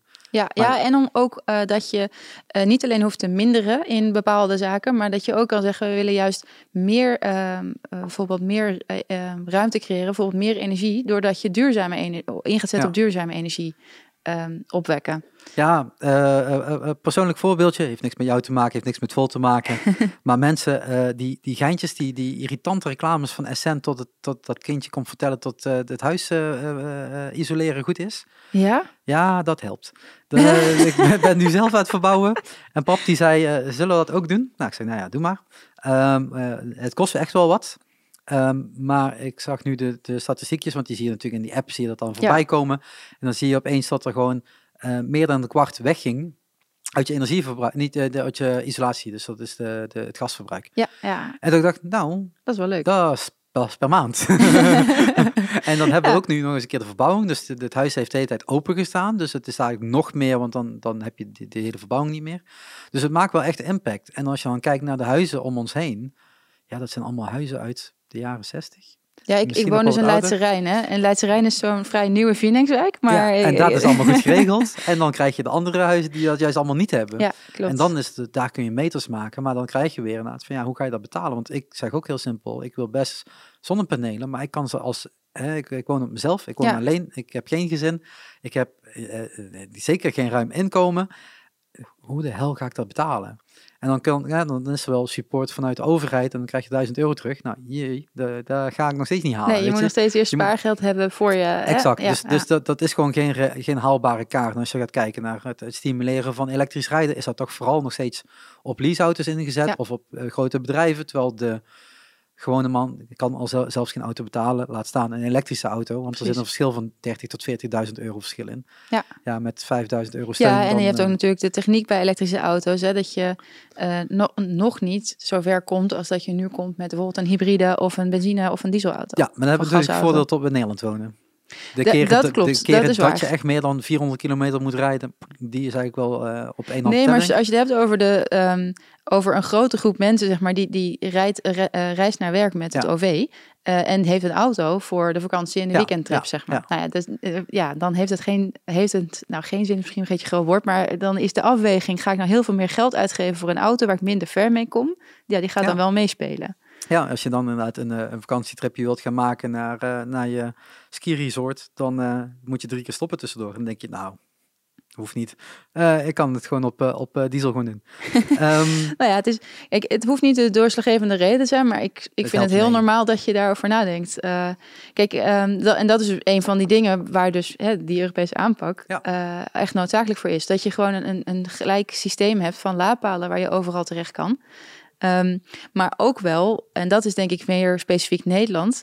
ehm, we, hebben, we zijn er heel erg op ingezet, denk ik. eh, als je het een beetje soort van grote lijnen gaat bekijken, hebben we ingezet op eh, de verandering moet vanuit de consument komen. En dus de, de consument krijgt de, de subsidie om een auto aan te, een elektrische auto Mhm. aan te schaffen. Ehm, en eh, bijvoorbeeld subsidie om zonnepanelen aan te schaffen. En dan komt dat vanzelf. En dan begint daarmee de mensen met, die al wat spaargeld hebben. En dat ehm, gaat dan vanzelf, eh, eh, het wordt dringt ook door. steeds, hè? steeds goedkoper, want de techniek wordt steeds Ja, beter. precies. En dan eh, Ja. door, door, dat, door die cirkel in gang Ja. te zetten, dan komt het uiteindelijk bij heel Nederland terecht. En dat is niet eh, fout per se, maar het is natuurlijk wel heel langzaam. En je Ja. neemt daarmee wel een hele grote, ehm, een heel groot deel van de verantwoordelijkheid leg je neer bij gewone mensen die eigenlijk in hun dagelijks leven, ja, je wil niet soort van verantwoordelijk gehouden worden voor die drie, eh, drie graden stijging van, van de wereldtemperatuur. Dus je moet ook veel meer de bedrijven en de ondernemers meenemen hierin. En veel meer ehm, aan twee kanten eigenlijk proberen te stimuleren dat dat meer duurzaam wordt. En Ja. niet alleen maar, en daar heb je ook wel een overheid voor nodig. Wat denk ik in Nederland dus ja, de afgelopen 10, 15 jaar is die sturing vanuit de overheid minder geworden. Mhm. En meer vanuit van oké, nou de markt kan haar werk doen. Nou, dat werkt niet snel genoeg. Ja, nee, nee. nee, precies. Eh, laten we naar het volgende puntje gaan, want anders, eh, ja, ik vind het niet dat het podcast lang duurt, maar er schijnt een avondklok te zijn en ik moet ergens op een gegeven moment naar huis rijden om Ja. net binnen die tijd thuis te raken. Ehm, een nieuwe kijk op de economie. Nou, Mhm. we hebben net al een stukje over de economie Ja. gehad, hè? de stimulering van Europa, van Nederland naar de maatschappij toe. Ehm, de economie loopt nu een heel jaar lang op subsidies. Waar Mhm. komt dat geld vandaan? En het enige waar ik van iedere keer van denk, ja, ik heb geen kinderen, ik ben er blij om. Maar jouw kinderen gaan dit dus betalen straks. Want die, die, die kosten Ja, dat moet ooit een moet keer. ergens een keer terugbetaald worden. Is Ja. dit nou echt het systeem dat voor de toekomst handig is? En dit is natuurlijk het mooiste moment, ook voor jullie. Nu kan het veranderen. Want nu is er een urgentie. Ja. Want straks moet er opeens op met, met 0 euro eh, eh, eh, nog in de kas, zou ik het zo zeggen. Want Nederland is best rijk. Er is echt wel wat geld om dit een jaar lang vol te houden. Ja. Maar er is eigenlijk een heel mooi nieuw startpunt. Ehm, nou, dat denk ik ook wel. Eh er heeft een van onze kandidaten, Martin Gravelotte, die heeft daar laatst ook een, eh, een blog over geschreven, dat staat op de website, eh, waarbij die, waarbij die eigenlijk zegt van ja, corona heeft als contrastvloeistof gewerkt op de maatschappij. En een van de dingen die heel duidelijk zijn geworden is dat er ehm, de sociale ongelijkheid, de sociaal-economische ongelijkheid tussen mensen heel erg gegroeid is. Mhm. En dat wisten we natuurlijk al, maar nu, ja, je, je kan er niet meer omheen. Nee. En dat is het resultaat van inderdaad een, een economisch beleid, denk ik, waar, nou, ik zei het net al een beetje, hè, waarvan uit wordt gegaan van, nou, die markt die redt dat wel in haar eentje. Ehm, en ook een beetje het resultaat van ehm, ieder mens maakt voor zichzelf de verstandige, nou niet verstandige, maar ieder mens maakt voor zichzelf de beslissingen die op de korte en lange termijn altijd zeg maar goed zijn. En ja, nou ja, dat, dat werkt niet, want je hebt nooit het hele overzicht. Ja. Nee, precies. Het lukt ook niet altijd. En ik vind dus zelf ook dat je mensen daar niet uh, individueel voor verantwoordelijk moet maken. Want je bent allemaal bijvoorbeeld uh, tegelijkertijd consument en tegelijkertijd een persoon die ook wel eens een keertje op vakantie wil naar Zuid-Frankrijk of verder. Ja. Nou, en die twee dingen die botsen soms, althans die lijken te botsen. En dus daarom um, ook als je het hebt over uh, nou, wat, wat is economische groei of hoe, hoe gaan we inzetten op economische groei? Daarvan hebben we met Volt ook gezegd van het moet meer weg van uh, de in, het individu. Uh, dus er mag een meer sturende overheid komen. Ook weer niet dat de overheid alles bedenkt. Hè? Want dan sla je alle innovatie eruit. Maar een, een, iets meer balans dan wat we nu de laatste 15 jaar gehad hebben. en daarbij zeggen we van je moet ook succes van je samenleving moet je anders gaan meten. Dus nu zeggen we, uh, er is economische groei, want het BNP is gestegen. Ja, Nou, dat, dat is natuurlijk een heel beperkt meetmiddel. Dat is geld. Precies. Geld en het aantal mensen dat je hebt. Ja, ja. En dan delen en dan kom je er, ja. Ja, en wij willen eigenlijk toen naar een uh, indexatie waarin je meer het hele het welzijn van alle mensen meeneemt. En dat gaat veel meer over um, van, nou, is je economie, is die groen, is die duurzaam? Um, als die zeg maar niet zou groeien, maar je hebt 0% uitstoot, dan ja, dan doe je het heel goed. Ja, dan groeit hij ook maar op het andere vlak. Ja, dat, is, dus dat is even heel, heel simpel gezegd. En daar, dat, daar gaat dat hoofdstuk eigenlijk over. Van hoe gaan we ervoor zorgen dat die sociaal-economische ongelijkheid veel kleiner wordt. Um, en dat je echt weer die, die kansenmaatschappij, zeg maar, die we ooit waren, dat je die terugkrijgt. En dat je um, dus je, je economische groei, dat dat niet meer uh, het enige wordt waar je op inzet. Of waar je dan afmeet als het waar succes Waar je dan afmeet, ja, eigenlijk is dat beter gezegd. Ja. Um, is dat dan, uh, de ongelijkheid, is dat dan uh, uh, basisinkomen? Um, nou, we hebben, dat, is, dat is niet meer, een... Meer uh, jeugdloon of meer... ja, eigenlijk, ja, ja, eigenlijk alle, allebei. Okay. In de zin van, behalve dan, behalve dan wat we bij basis komen, hebben we wel gezegd, van daar zijn we, zijn we een heel genuanceerde partij, zeg maar, en dat zie je daaruit, onder andere. Um, dat is nog niet voldoende onderzocht van hoe ga je dat dan uh, op een goede manier in Nederland, zeg maar, uitvoeren. Dus dat je, dat je toegaat naar een vorm waarbij je uh, niet meer dat ingewikkelde toeslagensysteem hebt, maar mm -hmm. dat je, dat je, dat je uh, wel verzekerd bent van een vorm van inkomen. Uh, ja, maar hoe dan precies? En of we dan echt het universeel basisinkomen zoals we dat nu kennen, zeg maar, of we dat dan moeten gaan doen, dat moeten we eerst verder onderzoeken. Want er zijn wel een aantal pilots geweest, maar um, je moet er natuurlijk ook wel een beetje voor waken dat je een systeem ja, simpel maakt, maar uiteindelijk dat mensen toch buiten de boot vallen. Of, ja. Ja, ik heb, ik heb me er volgens mij al vaker over uitgesproken, als het per se in de podcast heb uitgesproken daarover. Uh, ik krijg, en dat heb ik al vaker gezegd, en ik heb ook gezegd tegen de Belastingdienst, doe er iets aan, maar doen ze niet. Uh, ik krijg meer geld van de Belastingdienst dan mijn mm -hmm. verzekering kost, zeg maar. Dus de, zorg, het, oh ja. zorgtoeslag is hoger dan mijn verzekering. Juist. Hoe? Hoe kan dat? En ik, geef het, ik heb het bij ze aangegeven. Ik zeg maar, ik betaal minder. Dus ik krijg nu betaald om verzekerd te zijn. Dat kan niet. Dat, nee, dat is een beetje bijzonder natuurlijk. Hè, er mag een bijdrage zijn. Hè, en dat, dat, dat kan. Maar dat kun je ook via de zorgverzekeraars doen. En tot je dan zegt van, je betaalt minder maandlasten. Het is net afhankelijk van wie het potje regelt. Ja. Maar dit, dit klopt niet. Mijn ouders zijn geen arme mensen. Die hebben het goed. Die zijn nu bijna alle twee op pensioen. Pap is al met pensioen, een man binnenkort. Mm -hmm. En die zeggen ook, wij krijgen geld nog steeds van de overheid die we echt niet nodig hebben. Ja. Maar we kunnen het niet teruggeven. Als jij miljonair bent, krijg je AOW. Waarom? Weet je, allemaal van dat soort dingen. Dat je denkt, als je dat nou eens zou doorberekenen en je zou dan kijken van hoeveel kunnen we dan terug de maatschappij inzetten Precies. bij mensen die dat werkelijk nodig hebben, dan zijn er een aantal problemen alvast voor een stukje opgelost. Je gaat er niet alles mee coveren, snapt, snapt ook iedereen. Ja, maar, nee, maar je, je, je, draagt voorbij. Ja die keuzes worden nu ook niet gesteld. Je, je krijgt nu niet de kans om te zeggen, nee, ik doe daar niet aan mee. Ik, nee. ik zie af van dit en dan wil ik graag dit missen. Hetzelfde geldt. En ik hoop dat de, tot de werkgever ooit een keer meeluistert. een kerstpakket. Ik hoef geen kerstpakket. Ik hoef die troep niet. Geef dat nou aan iemand die er wel iets aan heeft. Geef maar je, je hebt ook wel werkgevers die dan zeggen van je mag ook een donatie ja. naar keuze doen ja, toch? bijvoorbeeld. Dat ja, zou top zijn. Maar dat wordt nog steeds te weinig gedaan naar mijn mening. Ja. Want ik denk toch dat er best veel mensen niet iedere keer het pakje pasta met uh, pasta saus en gakballetjes hoeven te hebben. maar die gewoon zeggen van nou, hey, volgens mij is het 25 euro of zo dat je mag uitgeven belastingsvrij.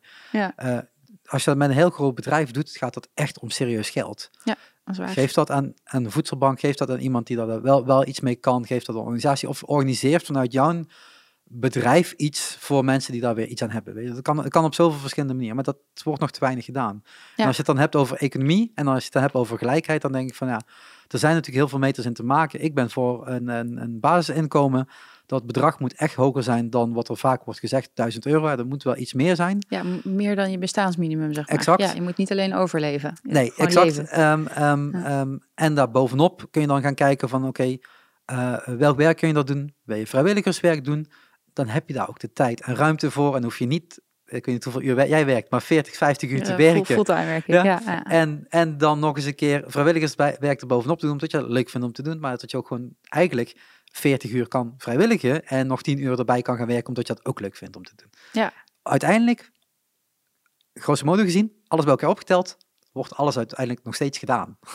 Ja, het is alleen een nou ja, andere verdeling. En, en, ik denk dat het ook gewoon zinnig is uh, om, om een, een beetje een verdere toekomstvisie te hebben dan alleen de volgende vier jaar. Want jij, jij noemde een paar hele goede redenen op. Hè, van je, je vrijwilligerswerk, dat is ook um, heel waardevol werk, ondanks mm. dat je niet in cijfers uit kan drukken. Maar een andere reden is denk ik ook dat we zeker weten dat de arbeidsmarkt uh, gaat veranderen, dat banen wegvallen. Dus uh, nou, ik ben bijvoorbeeld jurist. En voor juristen het werk over 50 jaar ziet, is een gedeeltelijk digitaal, zeg maar, is overgenomen. Ja. Uh, daar heb je geen persoon meer voor nodig.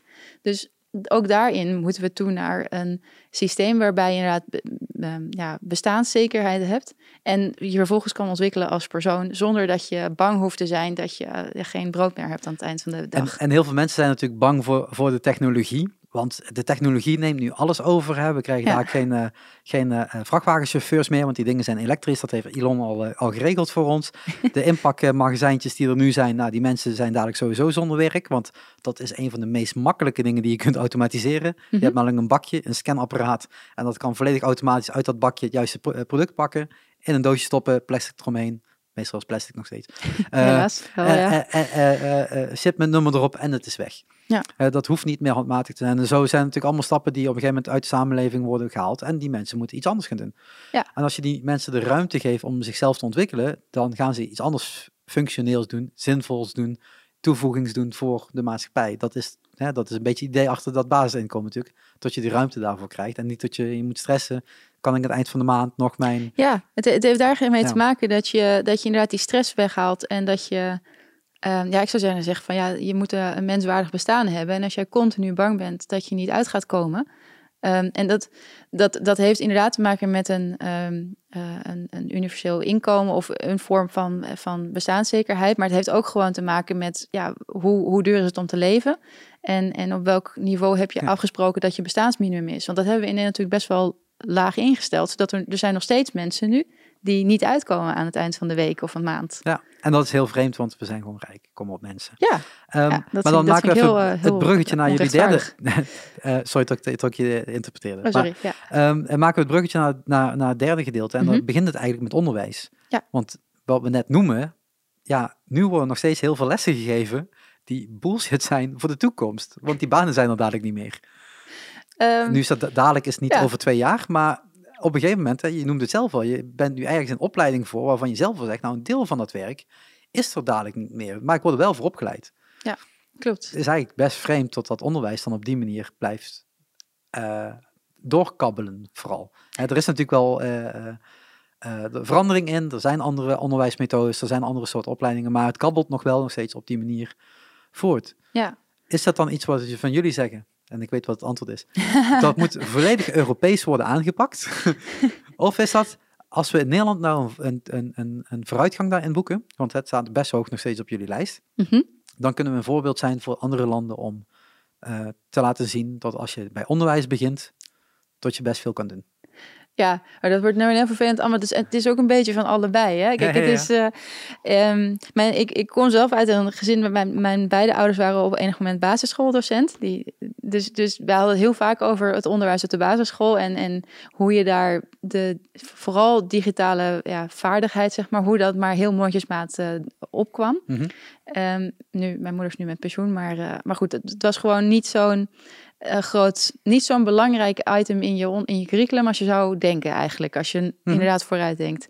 Dus dat is een van die dingen waarvan je denkt van nou, dat kan in Nederland beter.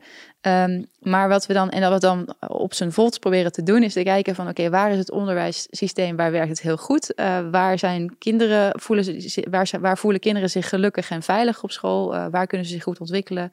En waar haal je ook waar zie je dat de kennis goed overgedragen wordt. Um, nou, en een van de beroemdste voorbeelden is denk ik Finland. Dus mhm. we hebben ook gezegd, van, nou, dat we mogen best een afspiegeling maken Um, of we mogen eigenlijk leren van Finland. En dat op onze manier weer implementeren in Nederland. Dus dat je bijvoorbeeld, zoals in Finland, krijg je medialessen. Dan leer je van, nou, wat is fake nieuws? Uh, je leert omgaan met allerlei nieuwe bronnen die je nu hebt. Dat, dat soort dingen moet je in Nederland ook hebben. Zodat je dus weet hoe je de techniek uh, kan gebruiken, maar ook weet hoe je, um, hoe, je, ja, hoe je jezelf een beetje kan beschermen eigenlijk tegen um, ongewenste effecten van nieuwe techniek. Zoals ja. uh, als je gepest wordt online, dat je weet van, nou ja, daar kan ik iets mee. Ja, je kunt van Facebook af. Um, ja, onder andere, maar meer dingen. Maar, ja, nee, maar dat, het, zijn, het zijn ook heel vaak keuzes hoor. En, en, en uh, het is ook zeker niet de bedoeling volgens mij om iedereen te le leren coderen en tot je meteen een volledige HTML moet kunnen schrijven. Sommige scholen denken nog steeds, iedereen moet HTML schrijven. Denk ik, maar hoeft niet meer. Uh, nee, maar ik denk, ik denk dat dat ook wel, want wat jij zegt, dat klopt wel. Van, uh, op enig moment is er een soort idee uh, doorgedrongen, ook tot het schoolsysteem. En hebben er genoeg mensen iets over kunnen vinden van, vanuit beleids- of bestuurslagen, zeg maar. En dan komt dat in je curriculum terecht. Maar die, dan is die techniek alweer doorgeschoven. Ja. Dus nu, volgens mij, wordt nu programmeren wel aangeboden op veel scholen. Ja. Um, ja, maar jij weet daar veel meer van dan ik. Maar dan ben je eigenlijk alweer te laat. Ja, nou ja, het, ik ben een paar jaar geleden terug naar school gegaan. En toen kregen we een, een, een, een, eh, een stukje over media. Uh, we zaten natuurlijk op een... Uh, om school, als, het ging om, om bandmanagement of management algemeen binnen de cultuursector. En toen ging het dus over media en ik zat daar met iets te veel voorkennis, zal ik het zo zeggen. En de leerkracht die begon dingen te zeggen en ik zeg ja, nee, dit klopt gewoon niet. Dit, wat je nu zegt is achterhaald. Google als bedrijf noemen. Nee, het is Alphabet en Google is een onderdeel van allemaal van dat soort kleine details. Mierenneukerij, I know. Ben je er heel snel uitgezet? Of, nee, uh, nee, nee, nee, maar ik hoef ook niet alles mee te doen. Dat scheelt dan ook wel weer. um, uh, nee, maar het zijn natuurlijk wel van, als ik dan nu kijk naar, mijn zus heeft wel twee kleine kinderen. En dan zeg ik van, ja, maar ben je daarmee bezig? Nee. En dan ga ik kijken op hoe die op een tablet bezig zijn. Dan denk ik, nou, ja, het zal je verbazen tot je dat wel echt weet. Ze hebben vorige week een Xbox van mij gehad. En oh. toen was het echt zo'n... hoe blij is jouw zus met jou? Je, nee, kinderen een Xbox geven. Nee, dat, ik heb die bij mijn moeder neergezet. Want als ze dan daar zijn, dan oh, hebben ze wat te, wat te, spelen. En dan kan jij ook even meespelen. Nee, want ik heb die nieuw gekocht in ah, thuis. Oh, oh, zo. Oh, ja. ja, ja. Je moet een beetje recyclen, hè? Nee, dat is oké. Okay. Uh, upcyclen dat dan. Dit is volgens mij, ik weet niet of het een mannen ding is, maar mijn man doet dit namelijk ook. Dan denkt hij van, ja, maar ik wil dat heel graag. En dat, maar dan zeg ik tegen mij, ja, maar dat is voor de kinderen. Ja, nee, nee, nee dat was het niet bij mij. Bij mij want ik wilde echt niet die nieuwe Xbox want ik wist hoe moeilijk het was om eraan te komen. Ik denk, laat zitten, ik speel bijna niet op dat ding, laat zitten. maar toen had ik het er met mijn neefje over en uh, toen merkte ik, hij zit graag op die tablet, hij doet daar graag uh, spelletjes op. En toen wilde hij voor zijn verjaardag een computerspel en dat wilde hij dan bij mijn ouders installeren die een computer van zeven jaar oud hebben. Ik zeg, nee, dat gaan we gewoon niet doen. Ik zeg, ik regel wel iets anders voor je. En toen was dat dat, dat upcyclen en dan is dat goed. Datzelfde geldt voor, voor, voor mijn mobiele apparatuur ik koop een nieuwe iPhone en twee jaar later heeft mijn pa die en twee jaar later ja, heeft Madi. Dus het, het is, eh, ja, een kopje één uh, doe ik, voldoe ik heel netjes aan. Um, heel ehm, goed. Maar als je dan over educatie hebt, ja, je geeft die een controller in de hand en ik zeg, ja, moet ik je nog wat uitleggen? En die begint gewoon, je ziet gewoon, die handelingen zijn er. Alleen, hij hoeft niet te weten hoe hij dat grafisch ding moet gaan tekenen of hoe je dat moet coderen of hoe je dat spel moet maken. Maar je moet vooral weten, hoe ga je dat, ga je dat besturen? Hoe ga je het aansturen? En als je er interesse in hebt, dan ga je wel leren coderen. Dan ga je wel leren met een Raspberry Pi of weet ik veel wat allemaal leuke dingetjes mee te doen. Dat kan ook. Dat hoeft niet, dat mag. Dat is een, dat is een vak dadelijk. Ja. Um, uh, maar dat, dat, je bent tien of elf, twaalf. Dat komt wel goed. Dat, ja, precies. je moet gewoon een, ba een, basis, maar dat hè, precies wat je het heet niks voor niks basisschool, zeg maar. Ja. Je, je, moet gewoon een goede basis meekrijgen voor de rest van. Ja, van maar, dat, maar er hoort eigenlijk meteen die mediaconsumptie al in te zitten, want ja heel veel kinderen zitten wel op social media. Of die komen in aanraking met een vorm van social media. Of een e-mailadres. Of hè, als we het hebben over de privacy. En als je ziet hoeveel lekker dat nu weer in een clubhuis zitten en dat soort dingen. Ja. Uh, dat, dat, is wel vrij erg. Ja, dus je denkt, ja, dat is gewoon slecht geschreven. Aan de andere kant, hun zeggen, eh, club, als we dan over Clubhouse hebben en ik die even kan afmaken, dan is het echt zo'n, ja, maar we zijn heel snel gegroeid. Dat zou niet het issue moeten zijn. het issue zou moeten zijn tot dat moment dat je begint met dat ding, tot dat dan al goed is als basis voor security en dat soort dingen. En ik denk, en ik weet niet als ik dan een beetje voor mijn beurt spreek, als Volt als Europees eh, eh, Europees een plek wilt hebben in de digitale wereld, dan gaat dat dus ook heel erg om privégegevens, om persoonsgegevens, om Ja, absoluut. dat. Nou, ja, en, en wat dat betreft, ehm, en dat, dat ja, sluit aan op onderwijs, maar is ook weer iets aparts wat we willen. ja, het volgende kopje Precies, namelijk. precies, daarom. Goed bruggetje. Nee, maar klopt. Eh, Je ziet het nu al dat je. ehm, dat was volgens mij ook laatst vrij groot in het nieuws. Dus zullen misschien wel mensen zich herinneren van eh, dat je de, de update had van de gebruikersvoorwaarden van WhatsApp. Mhm. En eigenlijk was dat gewoon één grote privacybom, als ik het even zo mag zeggen. Ja. Want dat was, was gewoon niet goed. En dat je dat, dat in Europa dan niet hebt. Ehm, nou, je kan ook zeggen van ik, ik ga dan stoppen met WhatsApp. Dat vind ik ook een hele valide keuze. Maar eh, ik vond het ook wel mooi om te zien. Kijk, we hebben dus eigenlijk al, in ieder geval op dit vlak, zijn we al dus ver ontwikkeld dat je een groot bedrijf enigszins aan banden kan leggen. En die trend ehm, moet je nog veel verder doorzetten, zodat je echt, want de vrijheid van meningsuiting en de vrijheid van privacy die daar eigenlijk die soort van bij elkaar horen, Mhm. Ehm, nou ja, dat, dat zijn Europese waarden. En dit kun je eigenlijk alleen maar in, in beschermen op het moment dat je zegt van dat doen we allemaal op dezelfde manier en we hebben ook hoge standaarden. Ehm, omdat je natuurlijk te maken hebt met een heel internationale wereld. Hè. De VS is heel, heel veel verder in techniekontwikkeling. eh, China is ook veel verder in technologische ontwikkelingen. Dus op het moment dat je zegt als Europa wil ik relevant blijven, maar ook inderdaad mijn, mijn privacy en mijn vrijheid van meningsuiting bewaken, dan moet je daar veel beter in worden. Ehm, ja, ik ben niet helemaal mee eens met dat WhatsApp-gedeelte. Want, ik, want, eh, Mhm. want de WhatsApp-gedeelte, de- vooral wat het nieuws haalde, was bullshit. Oké, Eh, want die voorwaarden heb je namelijk ooit al een keer geaccepteerd. Dat heet Facebook.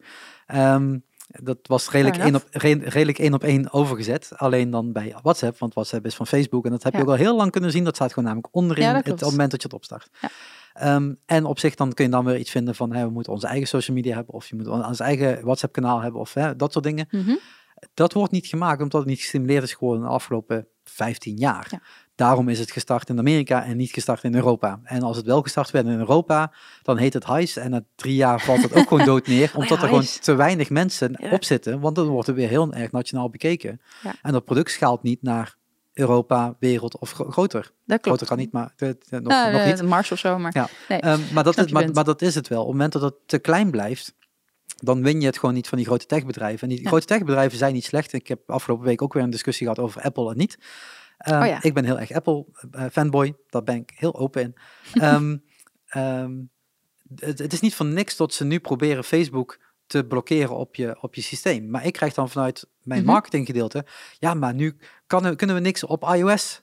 Ja, maar waarom moeten wij als poppodium al die informatie hebben van die mensen? Het enige wat ik wil weten is Ja, hoe oud ze zijn, van welke muziek ze houden Ja. en wonen ze enigszins in de buurt. Want de kans dat ze uit Groningen komen, laat staan uit Amerika en ze komen naar ons poppodium, is vrij klein. Dus die informatie, ik hoef daar niet al te veel over te weten. Welk inkomen ze hebben, hoeveel kinderen ze hebben, welke auto's ze rijden, welke kleding ze hebben gekocht, welke badslippers ze nog in de box hebben zitten bij bol.com. Het zal me een reet roesten. Maar al die informatie is wel beschikbaar. Mhm. Dus dat dat geblokkeerd wordt door Apple, is niet heel slecht.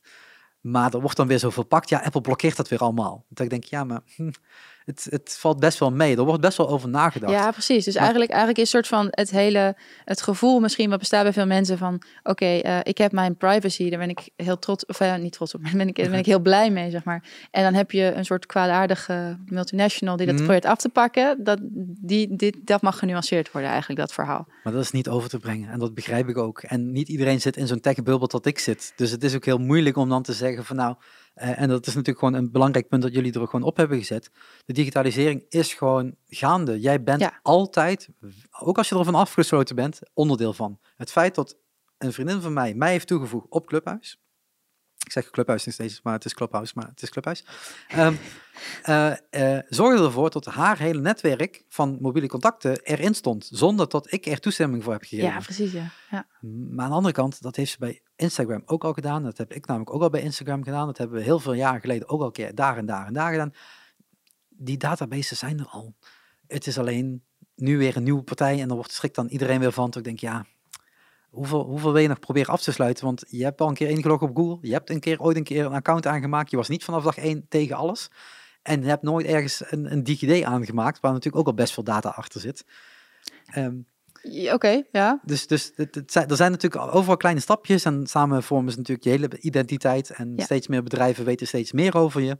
Dat heeft voordelen, want ik krijg namelijk niet meer, hè, als ik langs een bushokje rij, dan zie ik daar een advertentie van KPN, terwijl ik denk, ja, ik zit nog steeds niet bij KPN, het interesseert me nog steeds niet, ik hoef dat ding niet te zien.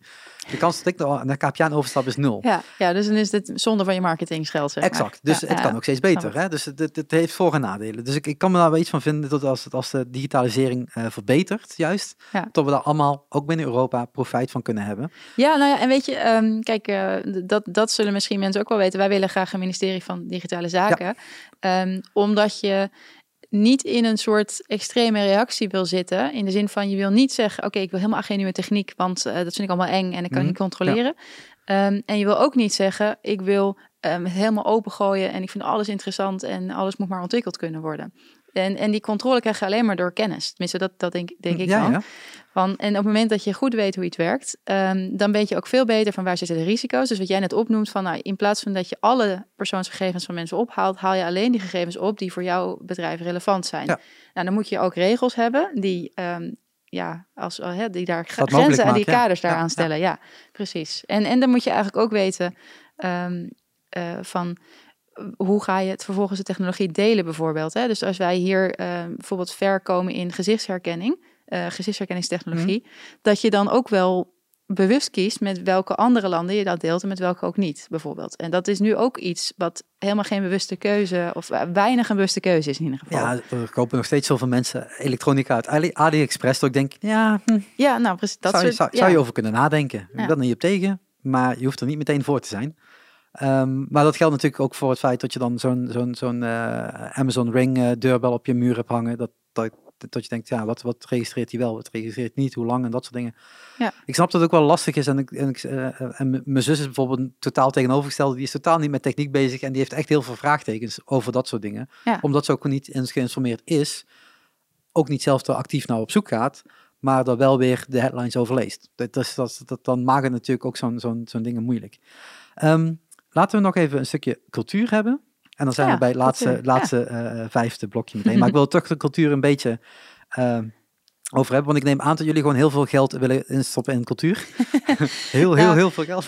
Ja, eh, eh, ja, eigenlijk wel. Ja, Eh, toch? in, de- in de zin van, kijk, er is natuurlijk eh, pak een met 600 miljoen bespaard sinds 2019. Dat- en we hebben dat eh, letterlijk, we hebben dat opgeschreven in het verkiezingsprogramma ook vrij om, om even duidelijk te maken van, kijk, we hebben niet alleen maar de cultuur soort van verwaarloosd, maar we hebben het ook echt op grote achterstand gezet, heel Mhm. bewust. En ehm, ja, cultuur is een beetje gewoon wat het leven leuk maakt. En, en ook dat kan je weer niet in cijfers uitdrukken, maar en daardoor denken mensen soms een beetje van, nou oké, je hebt je eten en je, je hebt je zorg en zo. Nou, en dan als kerst op de taart komt cultuur. Maar Mhm. Voor, voor, voor mij, en dat sentiment leest gelukkig breder binnenvolt, van het is niet de kerst op de taart, maar het is wat alles bij elkaar houdt. Het is dat als jij in de auto zit en je luistert naar een muziekje, dan voel je je een stuk beter. Dus dan Mhm. op het moment dat je uit die auto stapt en moet gaan werken, zeg maar, dan ben je een veel productiever werknemer. Ja. Maar dat stukje dat jij in de auto zat en je gelukkig voelde, dat hebben we niet in waarde gemeten. En nou ja, goed, ik denk dat we daar in Nederland wel extreem in doorgeslagen zijn. Dat je zegt van ja, weet je, cultuur, ja, leuk, maar en, en ook nog eens dat er best een aantal partijen zijn die zeggen cultuur is elitair. Mhm. Ehm, nou, en die verhalen zijn gaan overheersen. En dat, ja, ik kan er niet zo goed bij eigenlijk. Dat je, Nou ja, dat is natuurlijk, de cultuursector is een, eh, is een eh, achtergesteld kindje in dat geval. Daar is, eh, zijn allemaal speeltjes van afgenomen. Je hoeft ook niet alle speeltjes te hebben. Zo simpel is het natuurlijk ook. Niet tot misschien de hele 600 miljoen moet terugkomen. Misschien is met 300 miljoen al heel, ja, zeker, ja. hele grote stap Nee, want dat is ook, je hoeft niet alleen maar meer geld, maar je moet vooral ook ehm, de, de criteria zeg maar, de, en de manier waarop je dat geld kan aanvragen en de criteria hoe je dat geld gaat verdelen. ehm, moet je ook veel meer, eh, of moet je eigenlijk anders in gaan steken. Mhm. Zodat je niet eh, bijvoorbeeld alle cultuur, daar hadden we het net even over, hè, dat alle cultuur zich straks maar in Amsterdam gaat concentreren. Maar dat je, het- dat je het hele land die aan, het aanbod hebt. En dat het niet alleen maar is van grotere beroemde instellingen, maar dat je ook cultuuronderwijs hebt bijvoorbeeld. Dat je gewoon een, een muziekinstrument kan leren spelen op school, mee naar huis mag nemen om te oefenen. En dat op die manier eh, veel breder iets wordt. Dat je, dus zeker het verhaal van nou, cultuur is alleen maar elitair Mhm. en eh, dan kom je uit de grachtengordel. Da- daar, mogen, daar mogen we heel ver vanaf komen weer. Dat, ja. Maar dat, maar dat, dat, eh, dat is echt zo'n onoplosbare puzzel die, eh, die wij sowieso aan deze tafel niet gaan oplossen. Ondanks als wij hier twee uur gaan zitten en het opgelost is. Maar ehm, eh, ehm, als, we, als we het daarover hebben, over, over het feit hoe dat aanbod verdeeld is. Um, de, de Fonds Podiumkunsten is op dit moment bijvoorbeeld uh, de, een van de grootste subsidiënten natuurlijk om dat geld te verdelen. Die krijgen natuurlijk geld van de overheid, onder andere, of van andere fondsen. Die verdelen dat door het land heen. En die maken eigenlijk nu tijdens corona eigenlijk mogelijk om nog dingen te kunnen doen. Ja. En dat is natuurlijk heel mooi. Maar ik zie aan de andere kant, zie ik bands hun eigen zakcentje verdienen door Patreons te starten en, en, en Mhm. gelden op te halen, waarvan ik echt denk, dadelijk gaat dus een overheid tegen je zeggen, oh, maar je kan het dus zelf. en ik ben daar zo Ja. bang voor, tot dat taak, hè, want de, de kleinste bands gaan geen euro ophalen. Mhm. De minder gaat misschien een paar tientjes verdienen, nou, verdienen krijgen. En dan Mhm. moet je de belasting over betalen, heb je 5 euro over. En dan heb je de paar grote bands en die hebben 700 euro of 1000 euro of misschien een paar duizend euro. En dan gaat daar, daar ben ik bang voor, tot dan de overheid zegt, ja, maar wij zien dat jouw nieuwe businessmodel door corona eigenlijk best succesvol is. Dus je hebt eigenlijk minder bijdrage nodig. Want Ja, ja, je krijgt geld van de mensen. Ja. Dus die bezuiniging heeft prima gewerkt. Want hè, kijk maar, je kunt er zelf van leven. En dat was volgens mij wat, wat, eh, wat Wilders destijds zei. Ja, Eh, van ja, je moet er wel van kunnen leven, anders heeft het geen zin. Weet je, anders maak je geen. geen, geen maar was hij, ja, ik weet niet of het nou Wilders was, maar eh, volgens mij wel iemand van de PVV die toen ook Ja. het argument maakt van ja, maar kijk, maar Mozart kreeg ook nooit subsidie. Je denkt ja, ja, ja, maar Mozart stierf ook wel vrij arm en vrij eh, depressief. De meeste kunstenaars zijn pas na hun overlijden heel rijk geworden. Eh, eh, omdat dan kunst meer waard wordt, want er komt namelijk geen kunst bij. Dus dat is een beetje het logische gedeelte daarin. En we zijn natuurlijk een digitale wereld weer, Ja. van hoe dat verdeeld is. En ehm, ehm, eh, laten we nu niet beginnen over, over Spotify, want volgens mij hebben jullie daar iets in, in het partijprogramma over staan, over de verdeling van rechten, van, van, eh, van auteursrecht. ja, Ehm, eh, waar, waar jij niet helemaal mee eens bent. nee, daar maar. ben ik niet mee eens. Nee, precies. Maar nee, maar ook vanwege de tijd gewoon simpelweg nee, niet, dat is toch? goed, is goed. Ik zal er misschien een keer een podcast proberen over te maken, mensen. Maar de, de verdeling is best goed geregeld namelijk. Nee, maar het is natuurlijk fijn als er, als, er, als er meer geld komt voor de cultuursector. En de cultuursector is natuurlijk super breed. Hè? Ik wil ook dat er meer Nederlandse productie aan films komt. Maar als er dan iedere keer een film van Jan Dino komt, denk ik, nou, daar hoeft niet per se geld heen. Ehm, maar dat zijn natuurlijk wel allemaal van die elementen die cultuur samenbrengt. Kunst dat aan een muur hangt, dat is ook cultuur. Ja. Het feit dat een singer-songwriter op een straat mag spelen en niet door zeven verschillende eh, formuliertjes heen moet bij de gemeente om dat te mogen doen. Want freaking een singer-songwriter op wat wil, ja, die gaat echt geen over, overlast bereiken. Ehm, dat is ook cultuur. Daar kan, Ja. daar kan ook ondersteuning vanuit komen. Ehm, dus als ik het goed begrijp, Volt zegt gewoon eigenlijk, we willen het weer terug herstellen. En we willen vooral kijken, hoe, wat hebben jullie nu nodig? Ja, en, en meer werken aan ehm, de, het besef van hè, dat cultuur is niet iets, een waardeloos iets wat een soort van Ja. erbij komt als je, als je het heel goed al met je gaat. Ja. Cultuur is datgene wat ons met elkaar verbindt, Ja. wat eh, prikkelend uitdaagt, eh, wat ons ook gelukkig houdt. Dus eh, het, het heeft ehm, een plek als basisbehoefte in je, in je maatschappij. Het moet toegankelijk blijven voor iedereen. Het is niet alleen Netflix voor een tientje per maand, maar ook naar een concert kunnen, ook naar een museum kunnen. Ook de opleiding van op de basisschool al meekrijgen in, jouw, eh, in jouw waarde. Een laatste puntje buiten het Europese, want daar hebben we het in het begin natuurlijk ruim, ruimschoots over gehad, dus die gaan we niet nog aantikken, Ja. is wel de inspraak op, op elk niveau, lokaal, nationaal, Europees. Hè, Datgene wat we in het begin al hebben aangetikt. Moet ik dan nog vaker zo'n referendumblaadje invullen of gaan we dat gewoon in de app kunnen doen?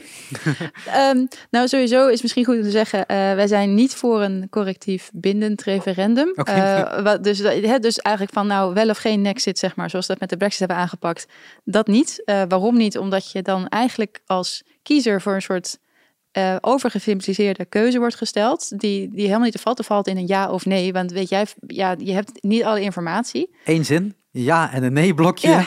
Succes. Precies, dus de, de- nou ja, dat is niet, da- daarmee maak je het niet meer democratisch. Ja. Want bij democratie hoort ook dat je de informatie hebt om een goede afgewogen keuze te maken. Ehm, waar we dan wel voor zijn, is ehm, dat je, nou, we het net volgens mij ook al even over, hè, dat je dus burgerfora hebt, waardoor je als eh, persoon veel vaker kan aangeven, nou, dit, dit vind ik ervan. En die burgerfora willen we dan zo ook inrichten dat je een goede afspiegeling hebt van eh, een wijk of van een gemeente. Dus dat je niet alleen de mensen aantrekt die toch al heel mondig zijn bijvoorbeeld, die Mhm. toch al altijd iets vinden. Maar dat je heel bewust op zoek gaat van, nou, ik wil een, een goede man-vrouw verdeling. Ik wil eh, gewoon alle diversiteit, maar de, de, de, de leef van leeftijd tot achtergrond, dat wil ik allemaal vertegenwoordigd zien.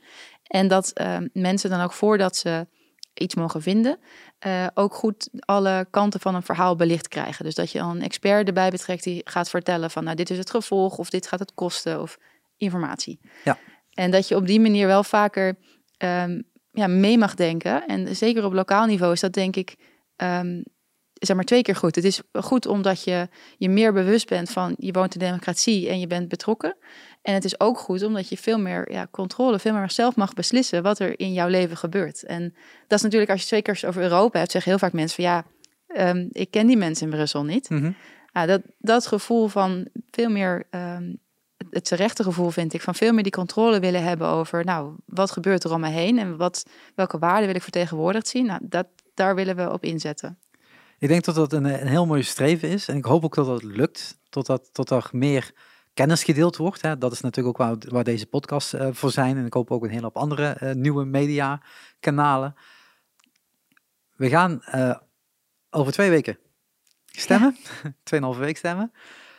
Ik hoop dat mensen niet alleen, want het is gewoon de, het einde van de podcast natuurlijk, maar de, de, um, door deze podcast in ieder geval iets meer weten over Volt iets meer weten over wat jij wilt, wat, hè, wat Volt wilt als Europees vlak, uh, maar dan ook zeker nationaal. Uh, maar tot ze ook niet alleen deze podcast, want als je tot hier hebt bereikt, super, dan ben je al anderhalf uur bezig. um, uh, dat je ook andere platformen gaat kijken. Ik zal jullie uh, website natuurlijk uh, in de show notes erbij zetten. Oh ja, super. Maar ja. doe ook een stem of een kieswijzer of stemwijzer, wat is het? Ja.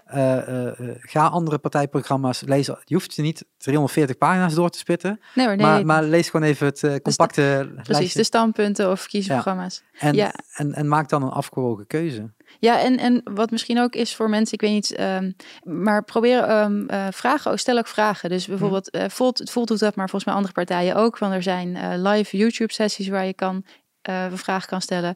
we zijn ook allemaal op, op sociale media te vinden. Ja. En Volt heeft ook nou, een WhatsApp-kanaal dan, maar wel Ja. dus een kanaal. En dan kan je vragen stellen. En ik denk dat je dat ook bij, bij alle andere partijen, zeg maar. Als, als jij iets hebt waarvan je, waar je heel erg om geeft en waarvan je denkt, ja, maar ik wil dat dat goed gaat de komende vier jaar minstens. Mhm. Um, ja, stel, stel, stel die vraag altijd. Het is, Ja, het is jouw leven, hè? Het, uh, We kunnen het zelf toch echt maken, ondanks dat er heel veel regels worden opgedrongen op dit moment, maken we er toch best veel zelf eigenlijk. ja, absoluut. Ja. We maken zelf de keuze om wel of niet een, eh, een heel, eh, eh, eh, wat was het, plein vol te smijten met rommel. Dat is een keuze. Dat Ja. je daar gaat staan is een keuze, dat is één. En tot het rommel daar achterlaten is ook een keuze. Dat hoeft niet. Maar dit dan weer op gaat ruimen is ook een keuze. Ja, maar die keuze hebben heel veel mensen niet gemaakt. Eh, wat toch wel jammer is, ja, want dat, eh, dat hoeft niet. Je hoeft niet zoveel rommel achter te laten. Ehm, nee, ik wil jou heel erg bedanken. Heel, heel hartelijk bedanken. Ik ging al te snel. Dat is de snelheid van de, van de auto dadelijk.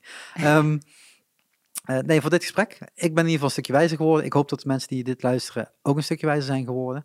Ehm, eh, dit is geen bindend advies tot je zegt je moet per se op Volt stemmen. Het mag, die keuze heb je zelf. Zeker. Uh, maar als je in dat, uh, in, in dat hokje, ik weet niet of we in een hokje gaan staan, ik weet niet hoe het dit jaar gaat.